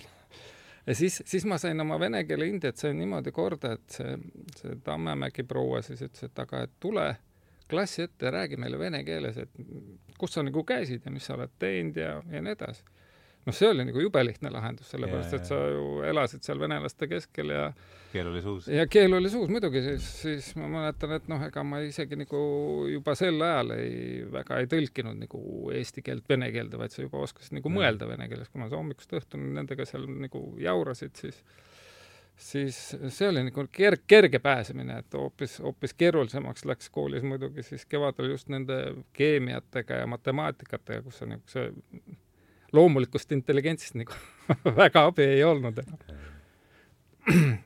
aga jah, et ja mäletan ka, et siis, siis need reisid nagu iga aastaga pikenesid ja laagrid ja, ja, ja, ja oli, oli olukord, kus mind ei tahetudki nagu koolist ära lasta, et noh, hinded ongi juba nagu nii käest ära, et, et sa ei lähe kuhugi, noh, et siis mul oli, oli õppealajuhataja oli Piirsalu proua jah ja hästi. Liidia hästi. oli ta Liidia, eks ole vist? äkki oli jah. Ja, ja siis oligi, et, et äh, ma ei mäleta, kuidas see täpselt oli, aga, aga nii, et ma pidin minema ütleme nii, et homme lennuki peale. ja täna, täna nagu koolist öeldi, et mingid alaõpetajad või kes seal öeldi, siis lepiti kokku, et aga et sa ei lähe, et kuna sul on need ja need hinded on nagu korrast ära ja vastamata. või siis otsid õppealajuhataja üles, et kui õppealajuhataja nagu lubab ära minna, siis, siis saad. Loomulikult polnud vaja kaks korda öelda, Tamme läks, võttis suure tordi ja lilled ja küll ta siis selle õppealajuhatajaga nagu kaubales, et hommikul oli ikkagi lennukisse läinud. aga jah, et ähm, noh, see oli niisugune kahe otsaga mõõk, et, et ega sellest, noh, sel ajal võib-olla see koolis käimine ei olnud, ütleme pehmelt öeldes nii popp ka, kui tänapäeval on. et loomulikult, kui lumi hakkas ikkagi sadama, siis, siis ei olnud vaja nagu kaua mõelda, et kus seda tammet leida võib jaa. aga mm, äh, kas te Kroonust pääsesite mõlemad või käisite või, või seda ma ei teagi? mina käisin ikka ära, jah. kas käid ära, jah? ja, ja. sa olid spordi või? ei saanud. ei saanud või? Eh, noh, siin ongi aa, siis see oli seda põrva, pärast põrva murdmist, eks? Eh, jah, vot siin oligi siis, et kui ma selle, selle põlve nii-öelda ära murdsin ja, ja uuesti pandi kokku kasvama, siis ja kasvaski kokku, siis, äh, siis no muidugi kevadel mind ei võetud, sest jalg veel ei liikunud, sügisel vist ka ei võetud. Või siis oota, kaheksakümmend kuus, sügisel võeti jah sügisel läksin ära, kaheksakümmend kuus sügisel läksin. sa läksid kaheksakümmend kuus, ma kaheksakümmend kuus tulin välja. just, et kõik ja. mu klassivennad tulid välja ja. ja mina läksin siis. ja, ja siis mul oli ka nagu oli kuidagi ikkagi nagu mingid sahinad käisid, et äkki on võimalik spordiroodu saada ja spordiroodu, aga siis ma sain aru, et, et mingil ajal ilmselt siis no niisugused selleaegsed niisugused spordifunktsionärid ilmselt kandsid mu maha, et noh, et, et sellest enam nagu elulooma ei saa. Aga kuna need spordiroodude kohad olid ju loetud ja siin Tallinnas oli ju ka neid tippkommuniste kuhjaga, kelle noh, kelle niisugused linna kaheksakümne neljas mingil alal poeg ikkagi sobis juba sinna spordiroodu mm., et, et noh, see, et sa oled liidus tubli, noh, see las ta olla, aga et mu poeg ikkagi peab olema. et ilmselt need kohad ikkagi jagati siis, siis nagu öeldakse siin Tallinnas ära ja ja mulle enam ei jätkunud, et, et siis ma olin sunnitud jah, nagu minema täiesti normaalsesse nii-öelda Vene sõjaväkke kaheks aastaks ja, ja siis noh, eks kibestumine oli muidugi suur, noh, mhm. pettumus kogu selle spordi, spordielu järgi ja, ja, ja, ja no mis siin, mis siin siis äh, keerulist, et noh, siis ma lasin kodust saata sõjaväkke lõppude lõpuks omale tossud ja dressid ja jalg hakkas liikuma ja hakkasid trenni tegema uuesti, et, et ma ise nagu püssi põõsasse ei visanud, et vähehaaval kus olid? ma olin Stalingradis, pool aastat Utšepkas ja siis olin poolteist aastat Ukrainas. aa, ja hakkasid sõjaväes trenni tegema siis uuesti? mm -hmm. Ja, ja siis tulin kaheksa nii palju ikka lasti ette üldse, niisugune ei, ma seal sain nagu ohvitseriga kuidagi väga hästi kaubale, noh et, et mulle tehti, tuldi seal vastu igatepidi, nii palju kui oli võimalik, et ma sain seal erariietes olla ja trenni teha ja vaba aja kõik nagu enda kasuks ära pöörata, ütleme niimoodi mm. -hmm. ja siis, kui kaheksakümmend kaheksa sügis tulin välja, siis noh, siis oli siin juba kõik segamini, noh ehk kaheksakümmend kaheksa, kui ma üritasin siin nagu kellegagi spordimaailmast nagu mingit, mingit sidet luua, siis kas telefonidele enam ei vastatud või läksid siin Tallinnas, üritasin ka, ma ei mäletagi, seal spordikomitees kuidagi käia, siis seal oli tühi tuba ja kõigil oli tühi pilk ja ainus oli see, et raha ei ole ja varustust ei ole ja midagi ei ole, et ära tule siia ja siis ma mõtlesin, et okei okay,, et noh, et see, see nagu, see on nagu väärvastus minu koha pealt, et, et see mulle väga hästi ei sobi, aga kuna me olime, me olime siis ütleme niisugused nelja-viieteistaastaste kaptenitega ka natukene, natukene Viru hotelli nii-öelda tubasid kulutanud ja ja rahvusvahelist kaubandust arendanud seal siis varases nooruses. tervitus kõikidele Viru poistele, kes veel nüüd elus on aga see, see oli selles suhtes jube positiivne kogemus, et oli, oli ka soome keel päris hästi suus mm. -hmm ja siis mul ei jäänudki muud üle peale sõjaväge, kui tõstsin toru ja siis jällegi kuskilt kaugejaamast tellisin kõne Soome, et suusaliitu ka samamoodi kuskilt ajalehtedest vaatasin siis selle, leidsin selle Soome Suusaliidu numbri ja, ja seal oli selline, selline legendaarne härrasmees sellel ajal nagu Kalevi Häga Häkkinen. Kalev Häkkinen? Häkkinen, jah, kes, kes oli siis oli siis alpialadel käinud olümpial ja hiljem siis äh, sööstlaskumisega tegelenud. ja, ja, ja kuna siis ütleme, me niisuguse nelja-viieteistaastaste kluttidena juba nagu selle rahvusvahelisse kaubandusvõrku olime sisse saanud, siis mulle toodi ka sealt igasuguseid ajakirju, et mm, ja siis, kus oli siis ka nagu sporditeemalisi, mitte ainult muid teemasid, isegi spordiajalehti toodi, et et sealt ma sain nagu infot, et Soomes on jube popp või ütleme, maailmas on niisugune ala olemas, ta oli Nõukogude Liidus keelatud ala, täpselt nagu karate oli keelatud. sööstlaskumine ja. siis, jah? et seda ei harrastatud üldse. kuidas see inglise keeles üldse on? Speed skiing. ja, ja ja siis, äh, siis ma sain sealtkaudu ka kuidagi selle häge-häkkise otsekontakti lõppude lõpuks. helistasin talle ka, et olen niisugune, niisugune koll ja tahaks tegelikult sööstlaskumist ka proovida, et noh, varianti ei olnud, et no ma räägin, Moskvas keegi enam ei vastanud, Tallinnas keegi ei vastanud, kõikidel, kellelgi raha ei olnud, kõigil olid pead laiali, riigid olid laiali, noh, täielik kaos, raha polnud kellelgi, et et siis, siis ma leidsingi, et ainus variant on täna see, et viisa, oma SSSR-i passi, ruttu laeva, ühe suuna pilet ja siis hakkame vaatama, et seal on vähemalt mingi võimalus mm -hmm. kuhugi jõuda yeah ja täpselt nii oligi, siis oli juba kaheksakümmend üheksa ette tulnud ja, ja ostsin ühe suunapileti ja suusad õlale jätsin kõigiga, nagu sellel ajal oli moodne, et enam me ei kohtunud. Ja, ja laeva ja minema ja seal Soomes võeti muidugi hästi vastu, et, et äh, siiamaani minu lugupidamine kõikide Soome spordifunktsionääridele ja ja, ja kogu selle noh, ma ei oskagi öelda, nagu ühiskonnale, et, et see, kuidas mind seal vastu võeti, see, sellest võib nagu omaette filmi teha muidugi et koheselt, koheselt Hankasalmes sain nagu tasuta elamised, tasuta mäed, saime järgmine päev siis härraga kokku, Häkkineniga kokku ja alustasime siis nii-öelda ühistreeninguid, noh. ja suureks üllatuseks siis oligi nii, et, et äh, suur ebajumala legend sellel ajal siis Kalev Häga Häkkinen, kellega läksime koos mäele, et me tegelikult esimesest päevast sõitsime nagu sama hooga ja samu aegu ja siis oli juba äge, hakkas, hakkas nagu süttis, ütleme siis, et ei, et noh, siin ei ole nagu, ma alguses vormistasin nagu tagasi, et ma tulen vaatama, tutvuma selle alaga, et noh, et võib-olla meeldib, võib-olla ei meeldi. ja siis läks juba nagu äge ise keema, ütles, et ei kurat, et siin ei ole nagu vaadata midagi, et, et kohe leiame sulle kolud ja kohe hakkame mingit võidu sõitma. et, et selge on see, et materjali on rohkem kui, kui küllaga. ja, ja täiesti nagu nagu võluväel siis hakkas tekkima mulle mingit varustust sinna hotelli, noh, tulid kombed, tulid kiivrid, kuskilt toodi suusad, kepid, noh, kõik asjad. ja, ja siis äh, esimene talv siis sõitsimegi nii-öelda seda Soome karusselli kaasa sealt. ja siis, kuna mul oli SSSR-i pass ja mingi turismiviisaga, siis ma ei tea, kas see oli nädalane või äkki oli, oli kahenädalane viisa, mis siia sai no siis oligi probleem, et aga, et mul saab kohe viisa otsa, et aga mul ei ole sinna peldikusse nagu midagi tagasi asja, et ma, ma pean ikkagi siit nagu oma karjääri edasi ehitama, et noh mm -hmm., varianti pole noh.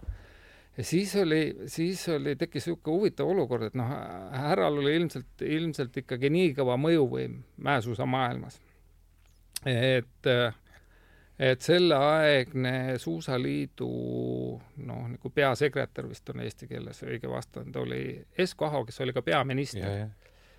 ja, ja me saime kokku. Esko Ahoga? jah, noh. kas ta oli samal ajal oli peaministriga või? jah.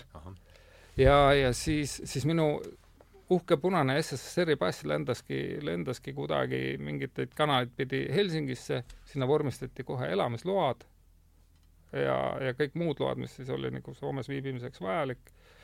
ja see andis mulle nagu selles suhtes jube, jube hea ja uued võimalused, et, et ma sain kõik oma välisviisad selle elamisloa najal nagu vormistada juba Helsingis, et ma ei pidanud kuhugi Moskvasse minema või ma ei tea, mida tegema.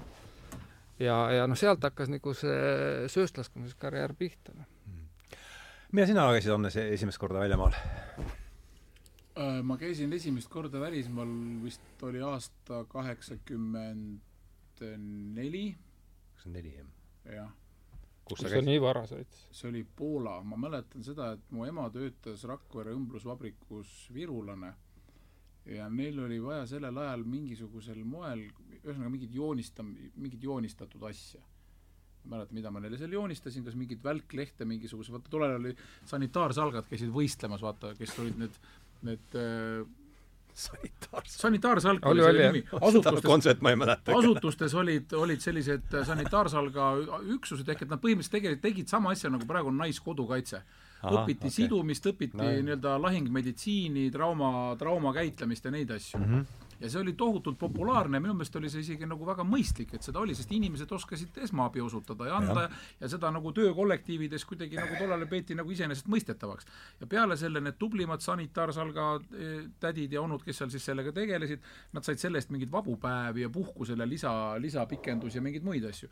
Ja mu ema oli seal selles sanitaarsalgas oli nagu aktiivselt, sellepärast et sealt sai, sealt sai hüvesid, Nõukogude mm -hmm. hüvesid ja ma mäletan, ma joonistasin neile vist mingisuguste rahvusvahelist või, või ütleme mingisuguse Eesti NSV asutuste vahelise sanitaarsalkade äh, kutsevõistluse või mingisuguse Spartakiaadi mingeid välklehte, mille eest me saime vist nii palju punkte, et nad said kuidagi mingisuguse preemiareisi või mingid auhinnad ja mult küsiti, et kas ma tahan selle eest nagu raha saada või ma tahan välismaa reisi.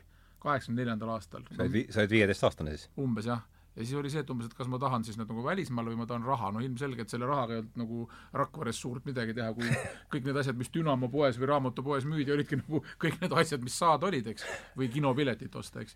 ma ütlesin, ei muidugi ma tahan välismaale minna ja siis ma sain oma elu esimese Poola reisi, ma sõitsin Poola. aga see juhtus olema mingi selline sa käisid siis bussiga või? jaa, see oli bussireis, Turu platsil see ootas Ikarus, jälle talveilm ja siis Rakvere inimesed kõik tulid mingite tohutu suurte kottidega sinna Poola millegipärast, kuigi see reis oli vist kolmepäevane või neljapäevane, midagi seesugust. aga noh, ikkagi Poola, ikkagi Poola. välismaal ja puha. aga nagu ma hiljem noh, tagantjärgi võin öelda, et see oli tegelikult äh, ei olnud sellel nagu Poola ja noh, niisuguse katoliikliku tuhandeaastase vana Poolaga ei olnud nagu mingit kokkupuudet, et see oli puhtalt niisugune äh, Rakvere rajooni harjuskite niisugune kaubareis äh, kuskile Varssavi äärelinna mingisugusele kaltsuturule, kus siis vahetati Straume kohvimasinad ja, ja kuradi mingisugused Salvo kelgud ja need mingisugused Norma kohvitopsikud ja kõik see muu. Vahetati kiires korras äh, slottide vastu ja slotid omakorda siis mingisuguses raudteejaama putkas kas Saksa markadega vastu, ühesõnaga see oli mingi spekulantide reis mis tähendas seda, et noh, seal ei olnud ei giidi ega mitte midagi muud, vaid ma olin lihtsalt niisugune viieteistaastane poiss, kes oli niisugune kaubaharjuskite koos ja siis mulle seal noh, suuremad mehed pakkusid ka viina ja siis ma seal istusin niisugune noh, vahepeal käisin bussist väljas oksendamas, kui me seal kuskil Lasdi Ais seal piiri ääres pidime kaks päeva ootama ja ja põõsas peldikus käima ja no ühesõnaga see, et ühesõnaga see reis ei olnud äh,, ei olnud mulle mingi sarnane kogemus tuleb. ei olnud selline ei olnud nagu see, mida ma, mida ma oleksin eeldanud esimeselt välismaa reisilt jah, et see oli selles mõttes niisugune väga, väga niisugune koerapulm. aga siis, siis ma saan aru, et, et lisaks sellele, et meil oli suht varajaselt teada, kelleks me nagu suurena saada tahame oma elukutse valikul, olime ka rahvusvahelises kaubanduses mõlemad, mõlemad nagu sees. väga, väga noorelt juba tegijad hinged, noh. nägime, kuidas see käib. ja hingeelu oli teada, jah. Poolaga seoses mul tuleb meelde, et noh, meil, meil siin Virus öeldi selle kohta niimoodi, et Moskva pole peal ja Poola pole välismaa muidugi. aga millal sa käisid esimest korda välismaal? kas see Soome sõit ei olnud, sa olid enne oli ikka. oligi, jaa, jaa Oli, ja. jah.. oligi ühesuunapilet ja minek, noh. jah? see oligi esimene kord. jaa, jaa, muidugi. aga siis ma olin enne seda ju sõjaväes, noh. nojah, just jah. aga ma see enne, enne sõjaväega ei, saanud. spordiga ei saanud jah, et nipa-napa sealt kuidagi läksid alati venelased, et eh, Eestist ei saanud sel ajal käia. aga sa, sa käisid sõjaväes, ei käinud? ei, ei käinud, mul oli mul läks äh, nii napilt, et ma pidin minema sõjaväkke ja mul oli nii-öelda kutse taskus ja kuupäev ja kellaaeg teada, millal ma pidin olema kell viis hommikul Tartu sõjakomissariaadis ja see oli mingi esmaspäeva hommik, ma kuupäeva täpselt ei mäleta, aga mul on see täpselt meeles, et ma olin pühapäeva õhtul Rakveres kodus ja ütlesin umbes emale, isale, õele nagu kaheks aastaks hüvasti või nägemist või jumalaga, mida iganes. ja pidin sõitma Rakverest õhtul selle kella seitsmese bussiga Tartusse, et siis nii-öelda hommikul sõjakomissariaati minna. aga mul oli Tartus juba kokku lepitud see, et ühesõnaga, et ma saan kellegiga kokku, siis me teeme kuskil midagi, mille peale mind võetakse kinni, loodetavasti viiakse siis alguses kas miilitsasse ja hiljem hullumajja või vastupidi, et ühesõnaga noh, et mingisugune mahinatsioon oli käima lükatud, et ma pääsen sealt ära, see oli aasta kaheksakümmend kaheksakümmend kahe, kaheksakümmend seitse sügis. kaheksakümmend seitse, siis hakkas siin juba vaikselt hakkas siis juba niimoodi tegelikult juba ütlen jah, et juba, juba, juba oli sireli lõhna tunda, aga Jah. ikka käis veel täiskangutamine, eks ju, eriti Tartu komissariaadis olid mingid täisvärdjad koos sellel ajal. Ja, ja siis juhtus selline asi, et ma mäletan väga täpselt, see oli Reet Oja ja Kalev Sapp, Kalev Vapper tegid sellist saadet nagu Noortestuudio pärastlõuna mm. -hmm. ja see oli pühapäeva õhtuti eetris ja ma mäletan, ma olin Rakveres oma Komsomoli tänava koridoris, panin umbes saapaid jalgu, et hakata bussijaama jooksma ja ma kuulsin sealt Talking Headsi äh, musa telekast mõtlesin, kurat, ma tahan ikka korra, siis ma niimoodi sedasi vaatasin niimoodi pea õieli nagu koridorist niimoodi üle suure toa ukse nagu telekasse, tahtis, et ma vaatan selle loo vähemalt ära, et nüüd ma olen kaheks aastaks kuskile Venemaa pärapõrgus, et ilmselt ma üldse mingit popmuusikat ei kuulegi, eks ju. ja selle loo ajal tehti, tehti katkestus ja Reet Oja ütles, et nüüd meil on väga, väga tähtis intervjuu äh, tolleaegse Eesti NSV sõjakomissariga, Põdraga ja siis ta ütles sellel hetkel seal saates, seal Noortestuudio pärastlõuna telefoni intervjuu oli, otse, otsesaade. ja ta ütles, et jaa, tänasel päeval on vastu võetud selline otsus, et need noormehed, kes õpivad ülikoolis päevases osakonnas, on armeeteenistusest vabastatud. Vau. ja ma mõtlesin, perse mingi, võtsin saapad jalast ära ja ja wow. ei läinud Tartu bussi peale. ehk et see oli nagu Saab nii olla napikas, et kui mul ei oleks tollel hetkel olnud äh, Talking Headsi suhtes mingisugust niisugust wow. respekti ja ma poleks seda Talking Headsi Once in a lifetime äh, plaan B. Once in a lifetime, eks ju. jah, ja, ja kui sa kuuled nagu sellist asja ja jääd seda nagu nii-öelda kuulatama ja ootad ära selle hetke, kui määratakse su elu kõige tähtsam hetk, et nüüd on nii, sest see lugu katkestatakse poole pealt, öeldakse sellel ajal. vau. et see oli vot selline, selline niisugune napikas äh, pauk, eks ju. ja siis ma ei, ei, siis ma pääsesin sellest nii-öelda ära, ehk et ma jäin siis juba ainult oma sõpru ootama, kes kaheksakümmend seitse, kaheksakümmend kaheksa, kaheksakümmend üheksa veel mõned, kes siis, kes siis kuskilt Venemaalt tagasi tilkusid. kes siis viimastena läksid, mis aastal läksite Viivi? kaheksakümmend kaheksa kaheksa. kaheksakümmend kaheksa ikkagi täitsa veel varakevadel ikkagi mõned ikkagi jõuti veel ära, ära krahmata.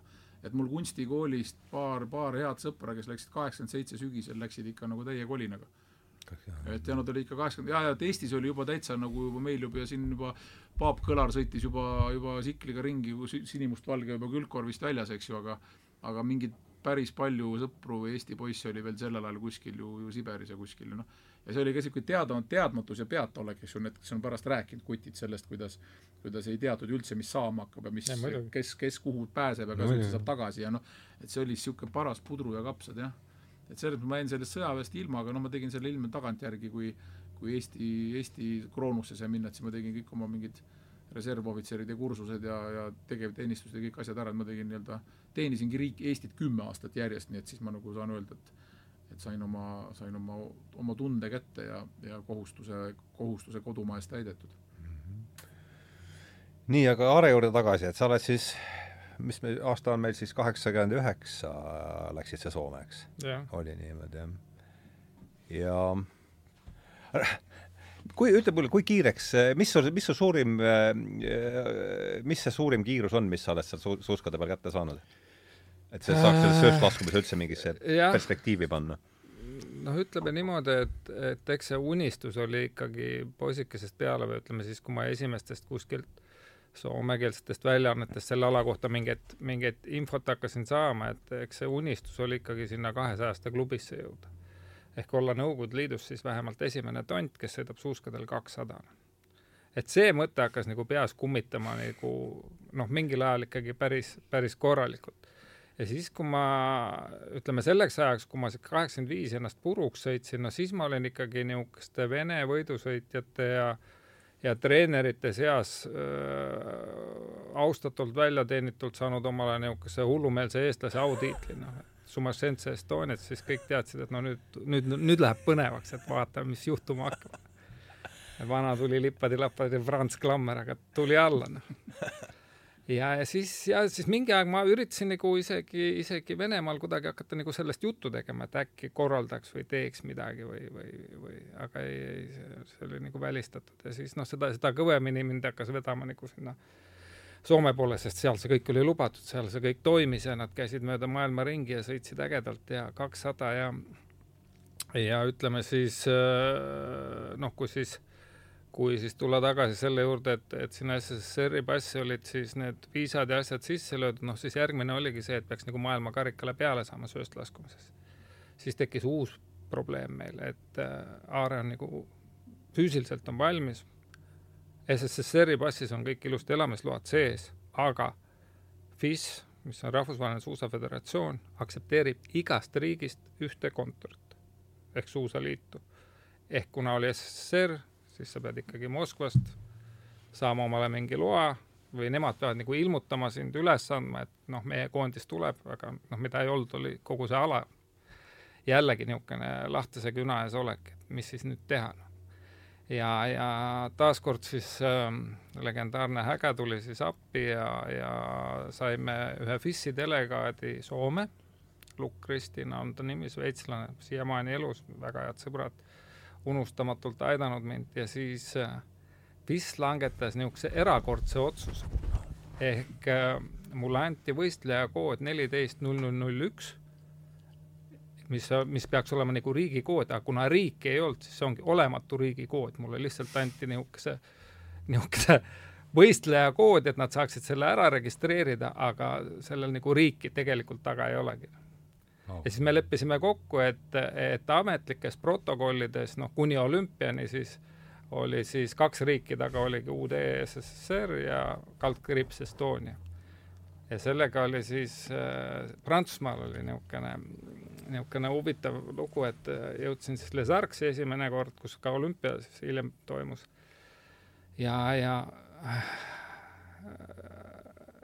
oli meeskonnakaptenite koosolek, esindajate see on Albertville olümpias siis või? jaa mm. -hmm. aga see oli nagu enne, paar aastat enne. üheksakümmend jõudsin sinna nagu esimest korda. esimest siis... korda Alpides või? no sinna Les Arcsi kus.... aga üldse esimest korda Alpides ka? jaa, jaa, muidugi, jah ja, ja siis see oli üheksakümmend kevad jah, ja, ja siis äh, sinna oli starti üles andnud kuskil niisugune noh, sada kolmkümmend, sada nelikümmend võidusõitjat ümber maailma siis. Ja siis oli, tuli kohtunike žürii kokku, et, et mis teha, et noh, et me ei jõua nagu ühe päevaga ringi ära teha ja siis seda võistlejate arvu nagu lühendati saja kahekümnele, et sada kakskümmend maailma rankingu järgi saavad starti ja ülejäänud pakige asjad ja koju tagasi, noh. noh, siis oli jällegi, et, et kuna ma olin esimest korda, loomulikult kuhugi rankingusse ei olnud pääsenud, aga starti on vaja saada. Taaskord otsiti siis kõik suhted ja kõikvõimalikud asjad üles, taaskord mingid ekstra koosolekud, okei okay,, ülejäänud lähevad koju, aga Tamme saab starti. jube äge risk no ja siis äh, sealt hakkaski, hakkaski see teekond siis olümpiani välja, noh, et siis, siis hakkas juba vähehaaval kumama, et äkki kunagi mingil sööstlaskumine tuleb ka olümpiakauba. Noh, niimoodi hästi vähe kumata. ah, siis ei olnud veel üldse? ei, siis oligi ainult, oli, oli sel ajal sõideti nii-öelda rahaliigat ehk oligi pro, ainult raha peale käis võidusõit mm -hmm.. noh, ma võin öelda, et sellel ajal olid olid sponsoriteks Marlboro tubakas, Smirnov vodka ja kõik niisugused kuursiõlud ja kõik niisugused lõbusad asjad autotehased, Fiatid ja Subarud ja kes seal taga olid, noh ja, ja, ja noh, see, see karussell iseenesest oli nagu noh, minu jaoks oli niisugune noh, oligi unelmate täitumine, ehk sa said nagu sinna rahaliigasse sisse, sa nägid neid inimesi, kellest sa olid lugenud, noh, kõik need äh, afterpartid, banketid, kihutamised, noh, see, see oli just see, millest Rakvere poiss kunagi seal prügikastide kõrval kahemeetrise mäe peal oli nagu noh, unistanud. Ja nüüd sa oledki siin, saad aru et, et siis ma andsin juba andeks kõikidele nendele olematutele spordijuhtidele kõik need nii-öelda mahakandmised ja asjad ja ütlesin, et ma olen ikkagi siin. Tehke järgi.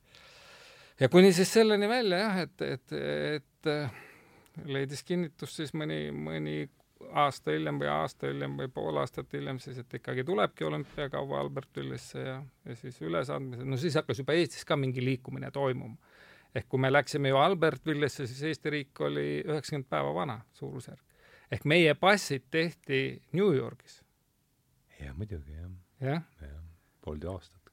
just. poolteist aastat. ei no sügisel vist no Jaaksoni see jah, Jaaksoni passid jah, need olid ka noh, need olid niisugused vihiku suurused, seal oli värviline pilt sees ja ja mul, kui ma ei eksi, siis mu passinumber oli äkki null null kaheksakümmend kaks või kaheksakümmend kolm, midagi niisugust, noh et presidendil Meril vist oli kuuld-, kuuldavasti null null üks ja siis sealt hakati nagu neid jagama.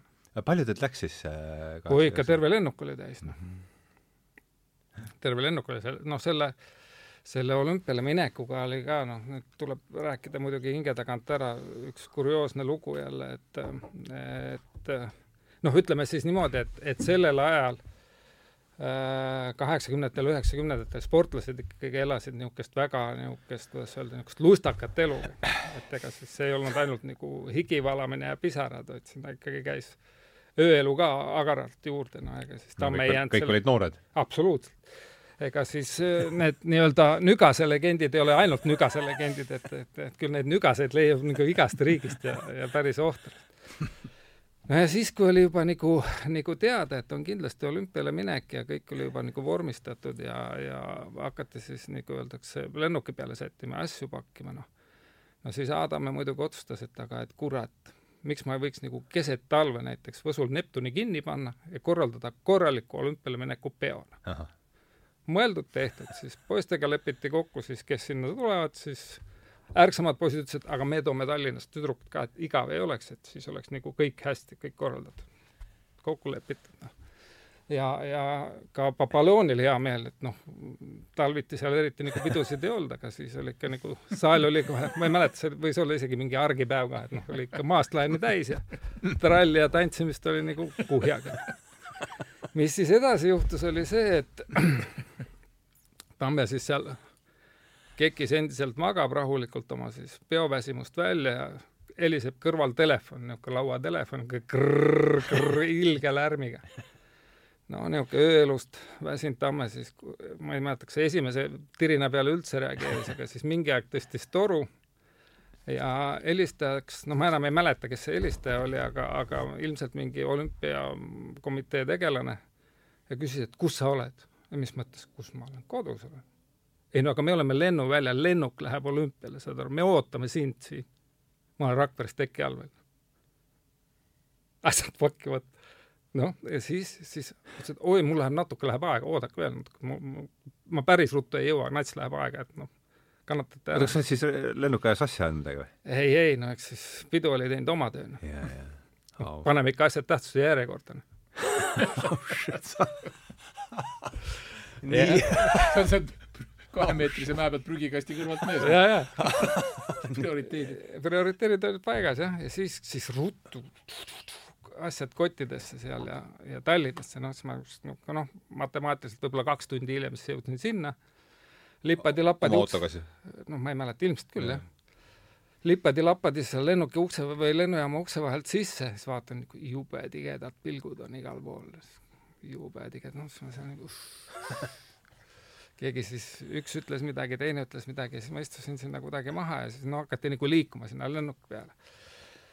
ja siis ma mäletan, üks hästi soliidne proua, prillid nina peal, koondise arst, Virve Vask oli ta nimi, lugupidamine arstile ja siis, siis istume nüüd hästi rahulikult, täpselt nagu Annus omal ajal, mõned aastad enne ma siis istusin tema kõrval, noh, tundus nagu, et, et jube adekvaatne inimene, kes ei karju vähemalt, et noh, ma istun siis sinna, et las need ülejäänud siis karjuvad mu peale, olid oodanud seal kolm-neli tundi.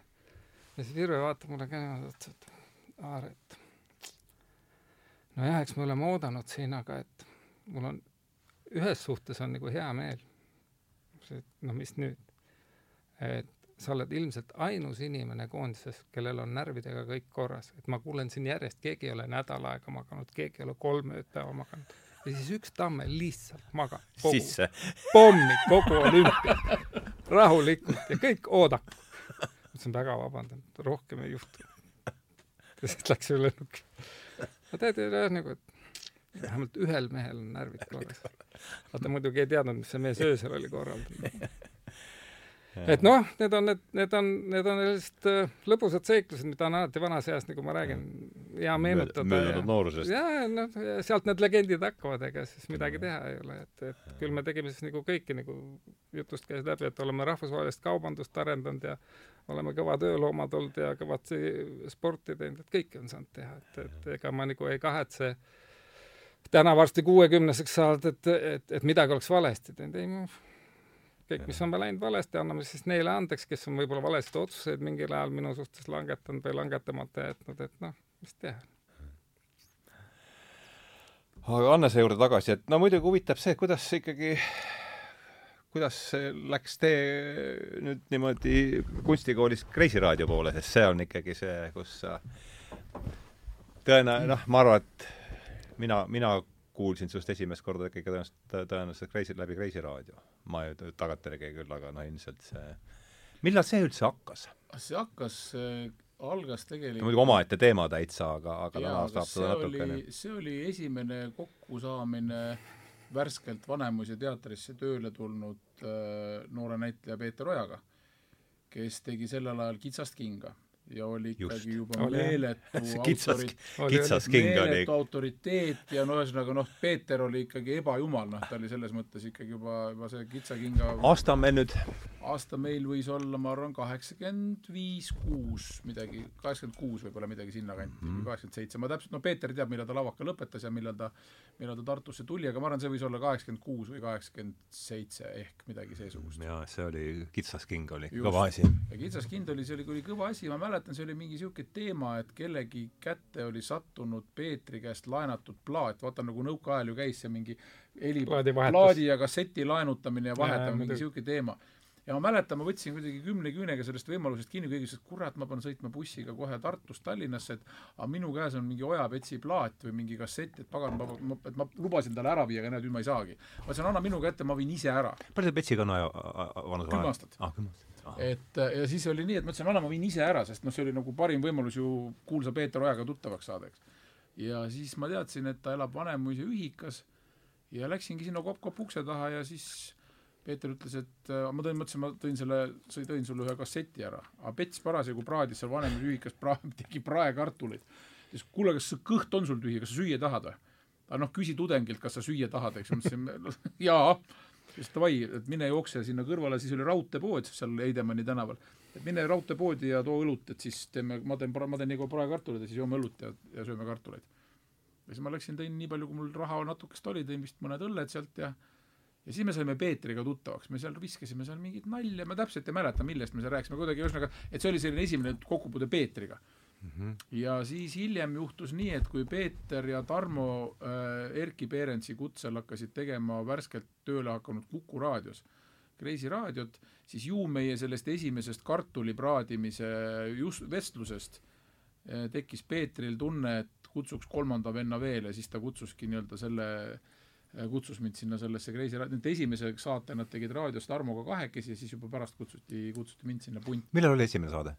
aprill aprill, esimene aprill kaks tuhat, ei, üheksakümmend, oi kui valus on seda nüüd praegu valesti öelda. äkki see oli üheksakümmend kolm või? see võis olla esimene, esimene aprill üheksakümmend kolm jah, või oli isegi üheksakümmend kaks. midagi sinna, sinnakanti. jah, üheksakümmend kaks, üheksakümmend kolm jah, pigem. siis me oleme enam-vähem ühes, ühes ajas, sina oled olümpial ja, ja Hannes on no aga aeg oli selline no aeg oligi selline. Et ega siis, no ma räägin, et, et ma mäletan seda kaost nagu väga hästi, et kui tulin sõjaväest välja, siis no esiteks, noh, kes on sõjaväes käinud, need, need ju teavad, et kui sa tuled peale kahte aastat siia tagasi, no siis sul on niikuinii niisugune tühjus ümber. sa ei saa ise ka aru, et mis toimub ja üldse. mis toimub. aga siis veel kõigele lisaks oli veel, kõik asjad olidki nagu toimumas. et kogu aeg midagi juhtus ja, ja keegi ei suutnud sulle ühelegi asjale nagu vastust anda, et aa, aa, vaatame homme või noh ja spordimaailm oli täitsa tühi, noh, ma räägin, et mm, keegi ei vastanud ühelegi küsimusele, et kas talvel minnakse suusatamine, ei minda, on lahti midagi, teeme midagi, keegi ei tea midagi. et eks, eks see peataolek oli ju, ju mitu aastat sel ajal, noh, see oli ikka väga segane aeg. ja ma mäletan, et, et noh, mul ikkagi nagu mitmes mõttes, mitmes mõttes kukkus kivi hingelt, kui ma sain ikkagi laeva ja minema siit, et ma tean, et noh, nüüd on nagu noh, ma saan ikkagi kuhugi astuda ja kuskilt nagu edasi arenema hakata, et noh, siin oleks olnud ainult aja raiskamine, mis oli niigi see kaks aastat oli raisatud, pluss veel see katkine jalg tagantjärgi, ehk tegelikult jalg taastus siis täitsa ära sul, jah? ja, ja nii et, nii et kui me olümpiale läksime, ma tegin siis noh, ikkagi sporti ka ütleme siis niimoodi, et, et, et mingil ajal, mingil ajal ikkagi jõusaalis ma siis enne olümpiat mäletan väga hästi, et, et ma enda jaoks deklareerisin, et kuus aastat olen, nagu öeldakse, taastusraviga tegelenud ja nüüd siis see haige jalg oli täpselt sama tugev kui teine jalg, et, et kannatas nagu kõiki harjutusi teha sellega. ma, ma küll julgeks äh, paluda Aarel rääkida sellest, me oleme kunagi sinuga sellest ühel pikal lennureisil äh, edasi-tagasi otsas vist päris palju rääkinud, ehk et minu jaoks oli äge see, kui äh, selle, selle jalatraumast rääkides, et, äh, et ma ei teadnud sellel ajal mitte midagi mingist joogast ega mingisugusest alternatiivmeditsiinist ega kõigest sellest. Mm.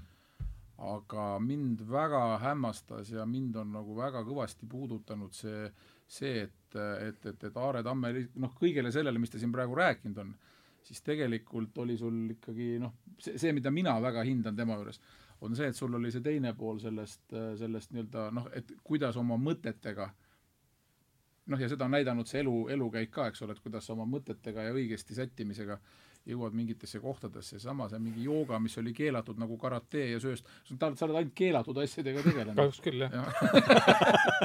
Viru värikas. ega siis rahvusvaheline kaubandus oli ju ka keelatud. see oli ka keelatud muidugi. Ja nii oli jah, ega siis, ega siis noh, kui me nüüd, kui me nüüd fantaseerime või, või lähme tagasi, siis, siis jällegi, mis oli rangelt lubatud, oli ju pioneeriks astumine, on ju. soovituslik. päevauudised, päevauudised ka. just ja, ja mis, mis juhtus esimeses keskkoolis, ma ühe klassivennaga mäletan nii hästi, me hakkasime just nagu, valmistati meid siis ette nagu mingiks aktuseks, pioneeriks astumiseks, aga kuna me oleme sinu juures esimese korruse aknast alla hüppamist harjutanud, siis loomulikult Tamme kuskil koridoris vaatas aken. kurat, mina küll pioneeriks ei hakka. Ja see oli kohe valmis mõte, juba oli Tamme seal, juba ta oli bussijaamas pioneeriks ei hakka. no vaata no,, kas loeb treening. jah, et, et neid nagu niisuguseid, niisuguseid mõttesähvatusi, mis kõik on nagu jällegi natukene niisugused tootsilikud, noh, ega siis, ega siis seal midagi ja. halba ei olnud, onju.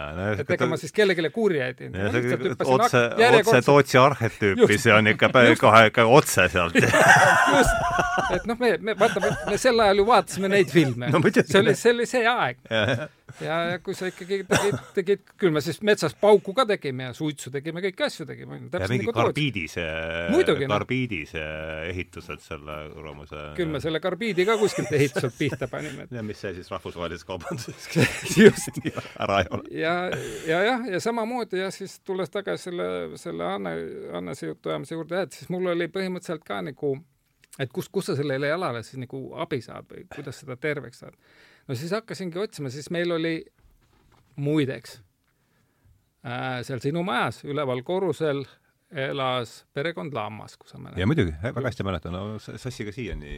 just. oled seda ka, oled seda näinud ka või? Näinud ei ole, aga kuskilt sealt netiavarustest aga... siia-sinna. ja selle jooga juurde viis mind sass tegelikult. tõsi või? absoluutselt oh.. ja, ja sass, ma ei tea, kust temal see pööre oli tulnud, aga noh, ta on ju meist vanem mõned aastad oh,. Ja siis, siis äh, me Sassiga ja Georg Luškov, kui sa mäletad. hästi mäletan. just, me Georgiga käime ka siiamaani hästi läbi.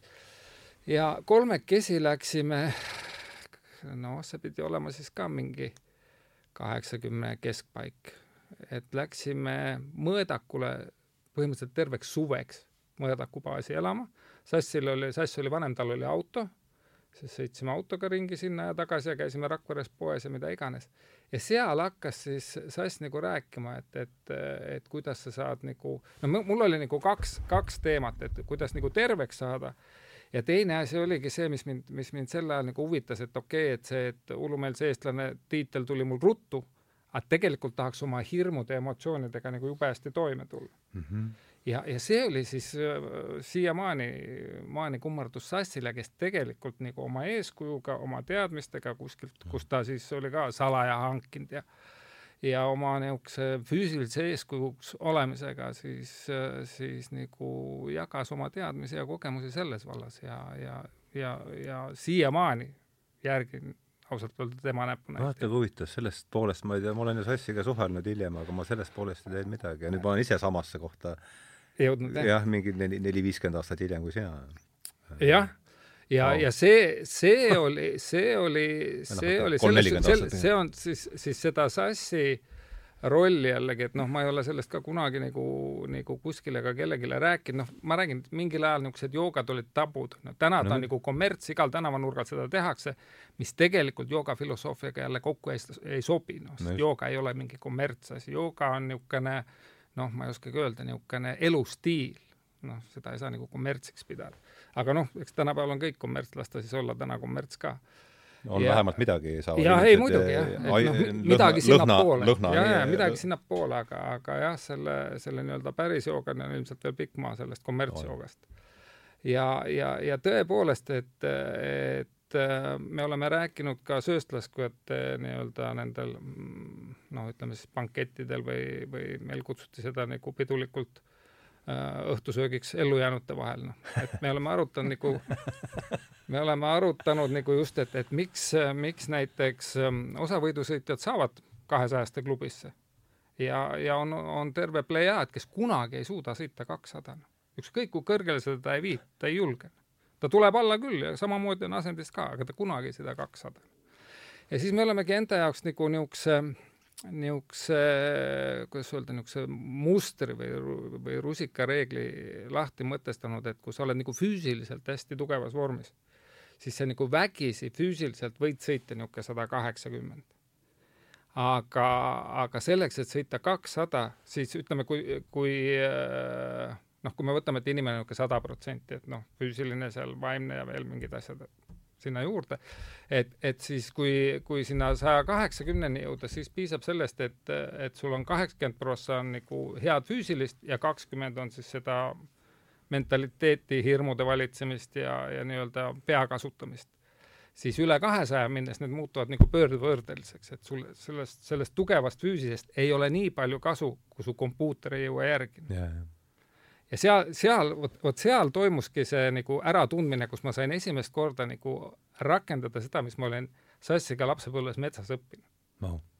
ja seal ma võtsin selle käiku ja see on üks, üks niisugune, kuidas öelda, niisugune võlunipp, kuidas on võimalik tasaselt maalt, kus lapsepõlves kõik sulle raiuvad, et ära tegele, sellel ei ole mingit ja. mõtet, sest meil ei ole Alpe, noh mm., sa ei jõua mitte kuhugi selle, kõik taovad sulle seda mantrat hommikust õhtuni.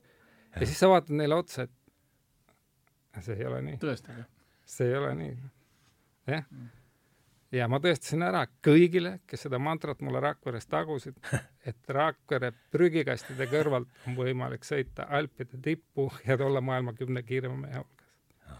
kõige kiiremaks kahjuks ei saanud kunagi jah, eks see unistus jäi nagu täitumata, aga, aga noh, ütleme siis niimoodi et, et üheksakümmend kaheksa protsenti pisikese poisikese unistusest sealt prügikastide kõrvalt. Sai ikkagi täidetud. jah. Ja huvitav jah, et Sassil oli niisugune roll seal, see oli väga, see, siit saab kohe uue saate mõtte. no Sassiga kindlasti, Sass oskaks sulle sel teemal ja kindlasti räägib oma nurga alt seda meie nii-öelda metsaelu. jaa, absoluutselt. aga kuidas teie siis nüüd äh,, esimene kohtumine oli tööõpetustunnis? äh,, et kuidas te siis uuesti elu uuesti saimegi jälle läbi, siis oli Kreisi raadio teema, eks ju, siis oli nii, et Aare tegi Otepääle seda seda, seda Munamäge või seda Munamäe suusakeskust. Munamäe suusakeskust. kus sa, me oleme nüüd siis üheksa nüüd me oleme aastas üheksakümmend seitse jaanuar. sellist, jah. siis ja... oled juba spordi jätnud maha või? jah. Aga üheksakümmend seitse jaanuar Aare tegi seal seda Munamägi avamist ja, ja, ja meie jällegi sõber Peeter Ojaga olime kutsutud sinna Munamäe munaka avamisele õhtujuhtideks või siis nendeks tseremoonia läbiviijateks või midagi seesugust. ja siis ma mäletan seda, et me jõudsime Peetriga sinna mäe alla, siis küsime, kus see Tamme on, siis näitame kuskil seal mäe peal, siis vist olid juba mobiiltelefonid, on ju, need mingid esimesed Ericssonid. siis me helistasime, siis ta võttis vastu, siis ma kohe tulen. Ja siis me vaatasime, et kõik tulid sealt munakalt alla niimoodi sah, sah, sah, niimoodi sikk-sakki. Ja siis tuleb üks vend tuleb täiesti otse lihtsalt, täie otsa, täie rauaga. Ja kui ta alla jõudis, siis oli näha, et tal vähe sellest oli veel niisugune, ma arvan, see võis olla kolme või kaheaastane, kui vana see plika oli sul sellel ajal? aa, ikka oli kolmene jah. kolmeaastane, kolmeaastane laps oli tal niimoodi, hoidis lihtsalt jalgadest kinni ja kolmeaastane laps oli kukil, hoidis isal niimoodi, no käed olid vaata niimoodi, ta ei saa aru, kas ta üldse hoiab silmade ees või kus iganes ja siis, siis ma mäletan, Peeter küsis umbes, et oo-oo-oo-oo, et kuule, sa loll oled, sa ei karda. ja siis Aare ütles, et ma sellepärast sõidangi koos lapsega alla, et oleks natukenegi vastutustunnet, et noh, muidu on lihtsalt nii igav oli mingi niisugune teema ja siis me kuidagi hakkasime, pärast seda hakkasime, tegime selle Munamäe avamise seal ära, siis oli jälle mingi mõn-, mõned aastad vahet ja siis vist viis meid kokku lõpuks isegi see, et me saime kuidagi, ma ei mäleta, kuidas, aga, aga siis me ajasime mingit poliitika asja ühel hetkel, kaks tuhat seitseteist pärast seda kaks tuhat seitseteist? kaks tuhat seitseteist, neliteist ikka oli. ei kohalikud valimised olid. aa, seal Otepää kandis siis? ei, ei Viimsi kandis. aa, Viimsi kandis? neliteist oli ikka neliteist varem, jaa, jaa. täpselt ei mäleta, ühesõnaga siis me sattusime kuidagi, siis me sattusime Aarega niimoodi kokku, et me avastasime, et me saame, me saame väga paljudest asjadest äh, sarnaselt, sarnaselt aru, ehk et ehk et nii-öelda maailma, maailmapilt, no sellest me oleme täna siin juba tund aega rääkinud ka, eks, et meil nagu et need samm, need asjad, mida me lapsepõlves oma elult äh, olime pannud nii-öelda sihtmärkideks või ootusteks, et mida, mida siis keegi, eks ole, Aarel need need kiirused ja, ja mäed ja minul jällegi mingisugused kunst ja, kunst ja aplaus. et, et, et siis me kuidagi saime kokku ja nüüd me oleme siin ikka juba jupp aega nagu heietanud oma lapsepõlve heietanud oma lapsepõlve asju ja väga tore on. ja ma saan öelda seda, et, et, et, et ausalt öeldes ei häbene ma seda öelda Aarele ega, ega, ega, ega, ega vaatajale, kuulajale, sul mitte kellelegi ma ei häbene öelda, et kui minult küsitakse nagu, nagu mehesõna või sellise kokkulepetest kinnipidamise etaloni, siis see on see mees, kes istub minu kõrval Hmm. et siin ei ole, siin ei ole, siin on pikk, pikk tühi maa ja siis tulevad järgmised inimesed, kelle, kelle puhul ma saan öelda, et hea küll, et läheks koos ruu-, luurele ja ja kes nagu nii-öelda teevad asja, aga aga siin minu kõrval istub mees, kelle puhul ma saan küll öelda, et äh, iga, iga kokkuleppe väiksemgi detail peab äh, paika paremini, kui ma isegi mäletasin, et see umbes nii võis olla, et, et selles suhtes on täiesti fenomenaalne inimene. et, et see on, see on nagu hämmastav ja väga, väga minu jaoks nagu noh, ma, ma hoian sellisest sõbrast kinni nagu nagu, nagu suusataja keppidest, eks ju, noh et see on lihtsalt, lihtsalt nii on. et ta on nagu suure venna eest. ma tänan. jah. ei, mul üks asi jah, mis, mis tuli tänagises vestluses sisse ja, ja ta on siin äh, mitmest tulnud, et just see, mis, mis siin vestluse alguses tuli, et kust see tuleb ikkagi, see tõmme. et kuueaastane poiss ütleb, et minust peab saama seal kahemeetrise prügikasti, kus, kus, kust see tuleb või ku- ku- kus sa, kus sa mäletad, kas suudad sa kuhugi panna selle, et, et et miks just, see oli ju enne Innsbrucki olümpiat veel. jaa, no esimene oskad sa midagi, oskad sa midagi kuidagi panna näppu peale sinna? äh, ei, ma niimoodi ei oska, noh, kui ma, kui me nüüd võtame, võtame nagu, et, et kus see, kus see väike poiss äh, selle, selle kiiksu sai nii-öelda. sest see on ikka mingi tõmme tulevikust mina vaatan Just. seda niimoodi. just, et, et noh, mingi aeg, mingi aeg on, kui sa oled noorem, siis on kindlasti seda nagu lihtne öelda, et no lihtsalt oli jube kihvt, onju. ja kui ma täna hakkan vaatama, panengi ritta selle, et kui ma, kui ma siis sealt prügikastide kõrvalt hakkasin, sina olid seal, Janek, Meelis, Raulid, kõik, kes, kes seal nagu mäe peal käisid, ega siis Jaa. ma üksinda ei olnud, kõik need majalapsed sõitsid ju sealt just. et, et sellest hetkest kuni siis lähme siis ütleme siis äh, trenni, tuleme Eesti meistriks, sõidame liidus, siis need passijaamad, siis need ekstra koodid, kõik ekstra, ekstra, ekstra, ekstra mingite inimestega kokkusaamised, kes on noh, hästi suure tähendusega kogu mäesuse maailmas. ja kui ma panen selle ahela kõik kokku, siis siin on nagu liiga palju juhuseid, et see kõik oleks juhus. Jah. liiga palju on Jah. juhuseid Jah.. ma ei ole rääkinud nendest isa auto pooleks sõitmistest, kus lasid lihtsalt turvavöö lahti, astusid välja, Siguli oli kolmeks jupiks no.. Kuueteistaastane lubadeta Adam, no lihtsalt proovis, palju läheb. Läks küll, aga kurat, puu oli ees. kus sa selle, Arkna tee peal. Arkna tee peal? jah, kolmeks jupiks Siguli, noh. mees tegi rihma lahti, ossa raisk, läks käest ära. noh, ma räägin, neid, neid on, neid juhuseid on jube palju, noh.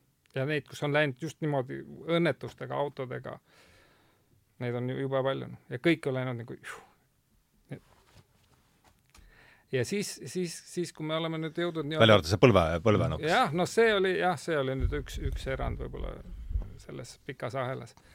ja siis nüüd, kui me oleme jõudnud võib-olla niisuguse küpsemasse ikka ja hakkad nagu tagantjärgi kõike seda uuesti lahti mõtestama, siis, siis ma, siis ma olen üha rohkem jõudnud, jõudnud äratundmisele, mida ma kunagi ei ole varem nagu heaks kiitnud, et, et meil ikkagi on olemas tõenäoliselt mingi saatus, mida, mida noh, mis jällegi teaduslikult ilmselt ei ole väga uuritud ega, ega tõestatud, et noh, eks ma võingi olla siis lamemaalane ja jääda selle väite juurde, aga minu elus on küll ilmselt olnud mingi saatus, kes on öelnud, et Aare, nüüd pead tegema nii, nüüd pead tegema naa, nüüd pead keerama sinna, nüüd selle lahti laskma, ära sellega rohkem tegele ja nii edasi ja sest, sest muud lahendust ei ole, noh, ma räägin, noh, alates needsamaks pioneeriks hakkamiseks või mittehakkamiseks, need trennides käimised, kõik need reisid, kõik need kohtumised, need inimesed, keda ma, kellega ma täna suhtlen, ega siis ma suhtlen tegelikult äh, või noh, ütleme ka siis nagu Hannes räägib, et sõpradeks pean jube vähe inimesi.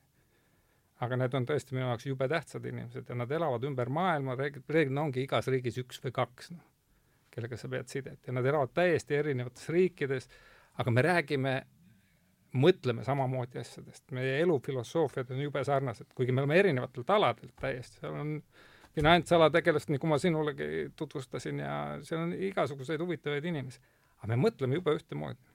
mis, mis mis on nagu, mis on jällegi nagu haruldus, siis mõtled jälle, et et sa sündisid kuskil Rakveres, on ju, olid sealsamas prügikastide kõrval, sõitsid suuskadega mööda, et miks ma olen nende inimestega just kokku saanud, miks on, miks ma, miks mul on moodustunud nagu selline sõprade ring kes täna on täiesti asendamatu minu jaoks. ja ma tean, et alati, kui võtad pöidlaga, valid numbrist, ta alati vastab sellele, et ei ole nii, et oi-oi, see, las see olla. niisugune see ei ole. saatus. me oleme jõudnud teemani, mis on siin käinud äh,, eilegi käis läbi jälle. ja seesama tõmme tulevikust ja mis, kus äh,, kus sinu mõtlemised selles, selles vallas on? selles sek-, selles sektoris oled jõudnud ma noh, eks ma saan vanemaks ja targemaks ilmselt, aga, aga see, kus ma praeguseks hetkeks olen jõudnud, on, on justkui see, et et ma usun, et äh, inimene jõuab oma, oma eluteekonna lõpul äh, mingisugustes asjades, mida ta teinud on või mida ta teeb, kas täiuslikkuseni või siis absoluutselt, no absoluutse kobakäpluseni, ühesõnaga noh, ta saab aru, mida ta oskab ja mida ta ei oska ja ma arvan, et kui sellesse reinkarnatsiooni, noh hästi peene nimega uskuda, siis ma miskipärast arvan, et inimesed, keda me eluteel kohtame või, või nii-öelda keda, mida me nimetame saatuseks või siis et juhuseks või siis vastupidi, juhuse, et juhuseid pole olemas, siis ma arvan sedapidi, et selles selles sünnihetkes, kui me ilmale tuleme, sünnihetk on ju see, kui tegelikult kaks rakku saavad kokku ja siis ühel hetkel sellest tekib krevetikene, siis süda teeb esimest korda tuksu, see on sünnihetk, eks ju. et ma räägin ilmaletuleku hetkest, et kui me sellel ilmatuleku hetkel äh, võtame ette selle teekonna, kus me täna käime, siis ma olen rohkem kui kindel, et me tegelikult ei õpi mitte midagi siin elus, vaid me tuletame mm. meelde neid asju, mida me oleme kunagi teha osanud. platonlik niisugune lähenemine. pigem jah, et ma usun, ma usun sellesse kuidagiviisi, et, et, et need asjad, mis mul hästi välja ei tule, et ma ei hakka neid nagu väga punnima, seepärast et ma noh, ma olen proovinud ju, et, et ei tule välja, vaid ma, ma tean, mul, mul on justkui see mingisugune kogemus, eks ju, mitte selline mitte niisugune kaemuslik, aga just täpselt see, et ma ei noh, ma ei, ma ei hakka, ma ei hakka sellega tegema, mina ei roni sinna mäe otsa noh, isegi see ei tõmba lihtsalt? just, sest ma tean, et noh, see ei ole, see ei ole see, noh, et ma mhm. järelikult juba eelmine elu kartsin seda ja võib-olla ma kukkusin seal nagu nii õnnetult, et ma ei taha sinna seda no kunagi seda mäge näha, eks. võib-olla Aare Tamme kardab jällegi mingisugust, ma ei tea, apla estraadil esinemist. aplausi või estraadi, eks ju, sest et ta on võib-olla kuskil kas läbi kukkunud või vastupidi, umbes, et saanud sealt mingid omad sellised vitsad, et talle see ei sobi, eks ju. aga see, et me kokku peame saama, tähendab seda, et me nii-öelda aitame üksteist üksteist nii-öelda ära kruvida, tema aitab mul selle, selle mõttega sellest, et jooga või siis nii-öelda mentaalne eneseharjutamine on see, mis, mis oli must väga, noh, mis on nagu väga kõva sõna, kui kui sportlane ütleb, et sa pead olema nagu füüsiliselt väga, väga võimekas, aga samas peab sul olema ikkagi arvuti ka korras, mis sellele, sellele väga heale kiirele autole nii-öelda järgi tuleb, eks mm. -hmm. ja see puudutab minu arust absoluutselt kõiksuguseid erialasid ja kõikvõimalikke asju, mida inimesed ette võtavad, kaasa arvatud molutamine et isegi puhata peab oskama, sest et kui sa seda ka valesti teed, siis ei ole ju mõtet ju ennast tööga väsitada, kui sa no,, kui sa puhata ei oska, eks mm. -hmm. Ja, ja selles mõttes on selles kiires elutempos, noh, mida siin Aare on kirjeldanud ja ega ma enda omagi väga aeglaseks ei pea, et ma olen ikka päris palju elus jõudnud võib-olla justkui teha ja ja seda ma julgen öelda, et pool sellest on vähemasti nii-öelda millegi najal liugu laskmine mida ma olen eelmistest kogemustest kaasa võtnud, et ma lihtsalt tean, et see tuleb mul niimoodi välja, et ma ei pea nii palju pingutama, kui väga vaja on. ja ma arvan, et noh, sinagi julged tunnistada, et sa oled noh, mõnest mäest alla tulnud niimoodi, et sa tead, et ma võin lapse kukile võtta ja ja öelda, et noh, et seda ma ei karda, sest seda, see tuleb mul välja, eks mm. -hmm. ei muidugi, jah. jaa. no nii, aga meil on siin jällegi stopperi pealt aega ei võta, aga üks kümmekond minutiga peaks selle, võiks selle asja nüüd äh,, läheks kuidagi, läheks Rakveresse tagasi lõpuks või sealt, kus me alustame. Ka-, kaua äh, tihti te siin, äh, millal käisid viimati? käisin viimati eile, üleeile. üleeile? üleeile. üleeile ja, ja mis siin salata, meil on, meil on härra Oleg Krossiga nagu selline, kuidas ma ütlen, niisugune jõuluaegne, tavaliselt kipub minema mitmetunniliseks, niisugune kahe mehe vestlus, arutleme maailma asjade üle, igasugu asjade üle. ja, ja, ja hästi huvitav on see ja siis ma tulin kaua sa teda tunned? lapsest saati põhimõtteliselt ka muidugi. kas ta meie vanane on muuseas? ta on meist vanem ikka aga siis, kui ta ikkagi maadles ja noh, me saime ka spordisaalides kuskil mm -hmm. saime kokku, et noh, ikkagi Rakvere inimene, ma tundsin mm -hmm. teda ikka jah, päris varast.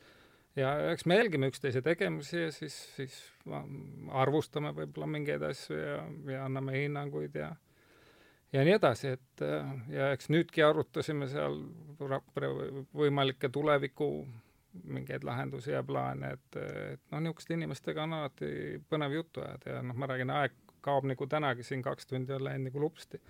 Et, et temaga samamoodi ja siis ega ma seal palju rohkem ei käigi, et siis käin vanemate haual ja, ja kus see, mis, kus surnas on? linnasurnas mm. -hmm. näpile pole tõenäoliselt sattunud, pole asja?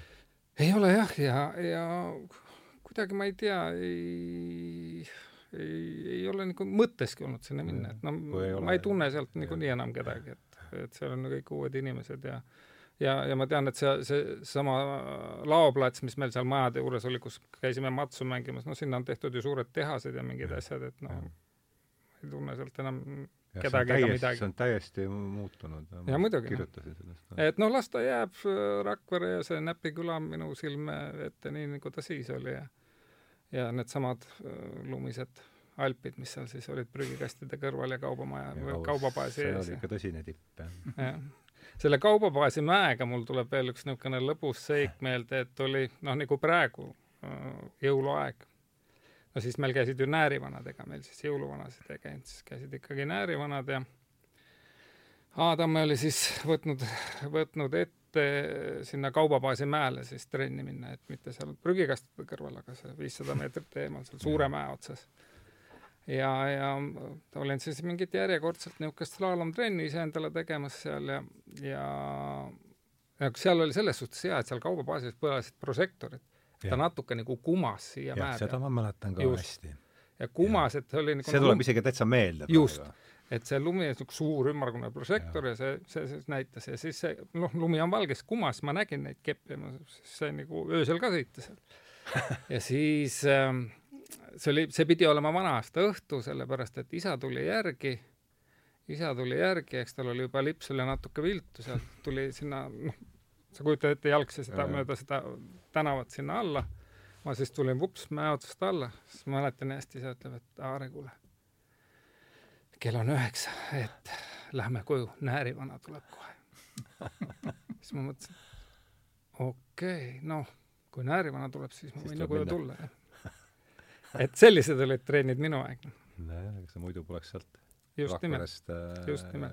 liikuma saanud. just nimelt ja, ja ma tegelikult, tegelikult kui Hannes meenutas sedasama Munamäe tegemist, siis Munamäega ma ju ka toimetasin seal Otepääl mingi pea kakskümmend aastat või et äh, ma tegelikult jälgisin, ma andsin seal kohalikele, kohalikele nii-öelda mäesuusaklubidele või trennidele või ma ei tea, kuidas neid tänapäeval korrektne on kutsuda andsin nagu tasuta kasutada mäge just, et, et tulgu tehke oma trennid ja slaalomid ja asjad ära.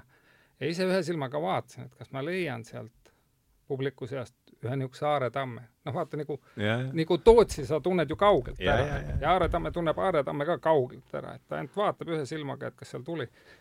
ja, ja, ja olin natukene kurb, et ma selle kahekümne aastaga ei näinud ühtegi Aare Tammet. et ma oleks kindlasti leidnud tema jaoks aega ka see on võib-olla saatus. ka see on saatus võib-olla, hea lugu. sest ma tean, et, et see Aaretamm oleks tulnud alati enne trenni paar tundi ja kindlasti oleks küsinud, et millal te tuled ära lasete. ma tean, kaua ma saan olla, aga keegi ei küsi. Hannes, millal sina satud, tihti satud Rakverre? Äh, satun ikka väga, vägagi sagedasti, et mul ema elab ema on Rakveres ja ma käin ma- seal Rakveres ikka, ikka, ikka väga sagedasti. suvel ma satun sinna praktiliselt ikka paar korda nädalas lausa, Oh, sest lausa? mulle väga hullult meeldib see, see põhjaranniku tee ja ja kui ma mootorrattaga sõidan, siis ma tahan lihtsalt teha seda niisugust nii-öelda kallutamist ja kurvi, siis ma lähen alati seda mereäärset trippi pidi ja noh, ja kui ma juba sinna Rakvere lähedale jõuan, kuidas ma siis seal nii-öelda Haljalas tagasi keeran, eks ju, et siis ma käin ikka siis teen selle Rakvere otsa ka ära, käin ema juurest läbi ja mm. -hmm. et see on ikkagi kuidagi niisugune Rakvere, mulle, mulle, ja mulle Rakvere meeldib, ma olen ma olen, mäletan lapsepõlvest saadik, kuidas mul mitte paar sõpra olid sellised, kes ütlesid umbes, et mis asja, et see Rakvere on niisugune tolmune turuplats ja mingi kole bussijaam ja tuvid lendavad ja mingi mis seal Rakveres nagu ilusat on? no aga eks sellel ajal oli ju aga te niimoodi. ei tea selle kõige sisu, sõbrad. Te ei tea Rakvere sisu. ja mul siiamaani sõbrad naeravad seda, kuidas ma olin nagu lapsest saadik, te ei tea Rakvere sisu. Ja ma olen Rakvere patrioot siiralt, mulle, mulle Rakvere linn, mulle Rakvere linnana ja, ja, ja, ja, ja sellise paigana on, on väga kallis kuidagi, ta, mulle Rakvere meeldib. et Rakvere on minu jaoks tähtis ja mulle just, kui sa helistasid, et, et saame kokku ja teeme sellise jutuajamise, siis mõtlesin, et ma küsin teilt ühte asja. et, et, et mõelda, et okei okay, et raske küsimus ei tohi olla. ei, Rakvere, raske küsimus, et äh, Rakveresse toob sisse, eks ju, mitu maanteed, üks tuleb Narva poolt mm, -hmm. üks tuleb Tallinna poolt ja üks tuleb Tartu poolt mm. -hmm. ja nendes, nende, ükskõik millist nendest kolmest teed kasutades äh, sõideti Rakveresse Pärnuga. ja Pärnu ka Pärnu ka, jah. või nelja teed, jah just, siis, siis mu küsimus oleks nagu see, et see on nagu väikest viisi nagu viktoriin, et kas te mäletate, mille poolest erines äh, Rakveresse äh, kõikidest muudest linnadest, mille poolest erines nii-öelda Rakvere rajooni, ma ei mõtle siin nagu konkreetseid linnasid, mille poolest erines Rakvere rajooni sissesõitmine? mina ei oska sellele vaata, küsida. Viitnal oli üks selline asi tee ääres, üks oli seal Viitna kõrts oli seal. ja Viitna kõr-, ei, aga ma räägin sellest, sellest nähtusest nii-öelda. et ma annan väikse vihje, et see oli selline, et kas te mäletate selle, selle, selle, selle nähtuse nime, et need olid sellised äh, sildid, igal pool mujal oli niisugune noh, silt, eks ole, Harju rajoon, meil oli betoonist valatud meil oli selline betoonist vallatud selline nagu muna, jah, ja sinna oli kirjutatud Punasega. suurte tähtedega, punaste Rakvere. tähtedega Rakvere rajoon seda mina ei mäleta. oli. ja neid kutsuti Mikkeri munadeks, sest tolleaegne Rakvere Rahvasaadikute Nõukogu täitevkomitee esimees Enn Mikker oli lasknud need sinna tee äärtesse panna. see oli Mikkeri munad ja siis mul on, mul ja see, vot sellest on mul kahju, et kui need uhked mingid nelja- ja viierealised maanteed on sinna Rakveresse või Rakvere rajooni, siis mul, mul on jube kahju, et need munad on nagu ära koristatud, mõtlesin, et see on nagu selline teema, mida peaks võib-olla sellele samale sõber Oleg Krossile rääkima, et taastada. et kas, kas teha mingit Krossi või, või siis Mikkeri, ühesõnaga mingid munad peaksid nagu, sest noh, see Tarvas on äge värk, aga aga Tarvase munadest, mida seal aeg-ajalt pullivennad üle värvivad, on vähe, et ma arvan, Rakveres on mingi, Rakverel on mingeid niisuguseid Mikkeri mune vaja ja ja mida ma veel arvan, mida Rakveres võiks olla, oleks lisaks sellisele pärdikultusele peaks olema Rakveres äh, no vähemasti üks mälestuspink äh, Kaljo Kiisale, teie koolivennale mm. -hmm. sellepärast et nii suurt panust Eesti kinokultuuri ja, ja filmiajalukku kui Kaljo Kiisk, Rakvere poiss, ei saa jätta lihtsalt äh, kingsepa Johanneseks kuskil selles nendes pagana tele, teleseriaali lugudes, et, et, et kui me mõtleme sellele, millise, millise panuse, millised filmid Mm. on andnud Kaljo Kiisk ja, ja mis ta on Eesti, Eesti kultuurile andnud, et siis siis lisaks Arvo Pärdile, keda Rakvere nii-öelda nagu praktiliselt maani kummardab, et et ma tahaks öelda küll, et kui keegi kuuleb, et siis äh, see pole poliitikute otsustada, aga Rakvere inimesed. et, et ma arvan, Kaljo Kiisk on, on väärt Rakveres midagi enamat kui lihtsalt seda, et ta on esimese keskkooli vilistlane. Mm. Ja hea meelde tuletada, kuulge, aga me ei jõua teid ära tänada. oli oli super lahe vastastikku, aitäh. äh,. Aarega nägime ju, mis see oli, kakskümmend aastat pole no ma arvan, jah. umbes nii ja no sinuga näeme tige-, tihedamini, aga ikkagi on tore. ikkagi oli tore. ja mis on lõbusam kui jõulude aeg, meenutada lapsepõlve jah, lustakaid seiklusi. jah, just, et see suur-suur aitäh, see oli väga kirgastav jutuajamine. aitäh. aitäh, aitäh ja, kutsumast. jah, tema ma jõuan olla.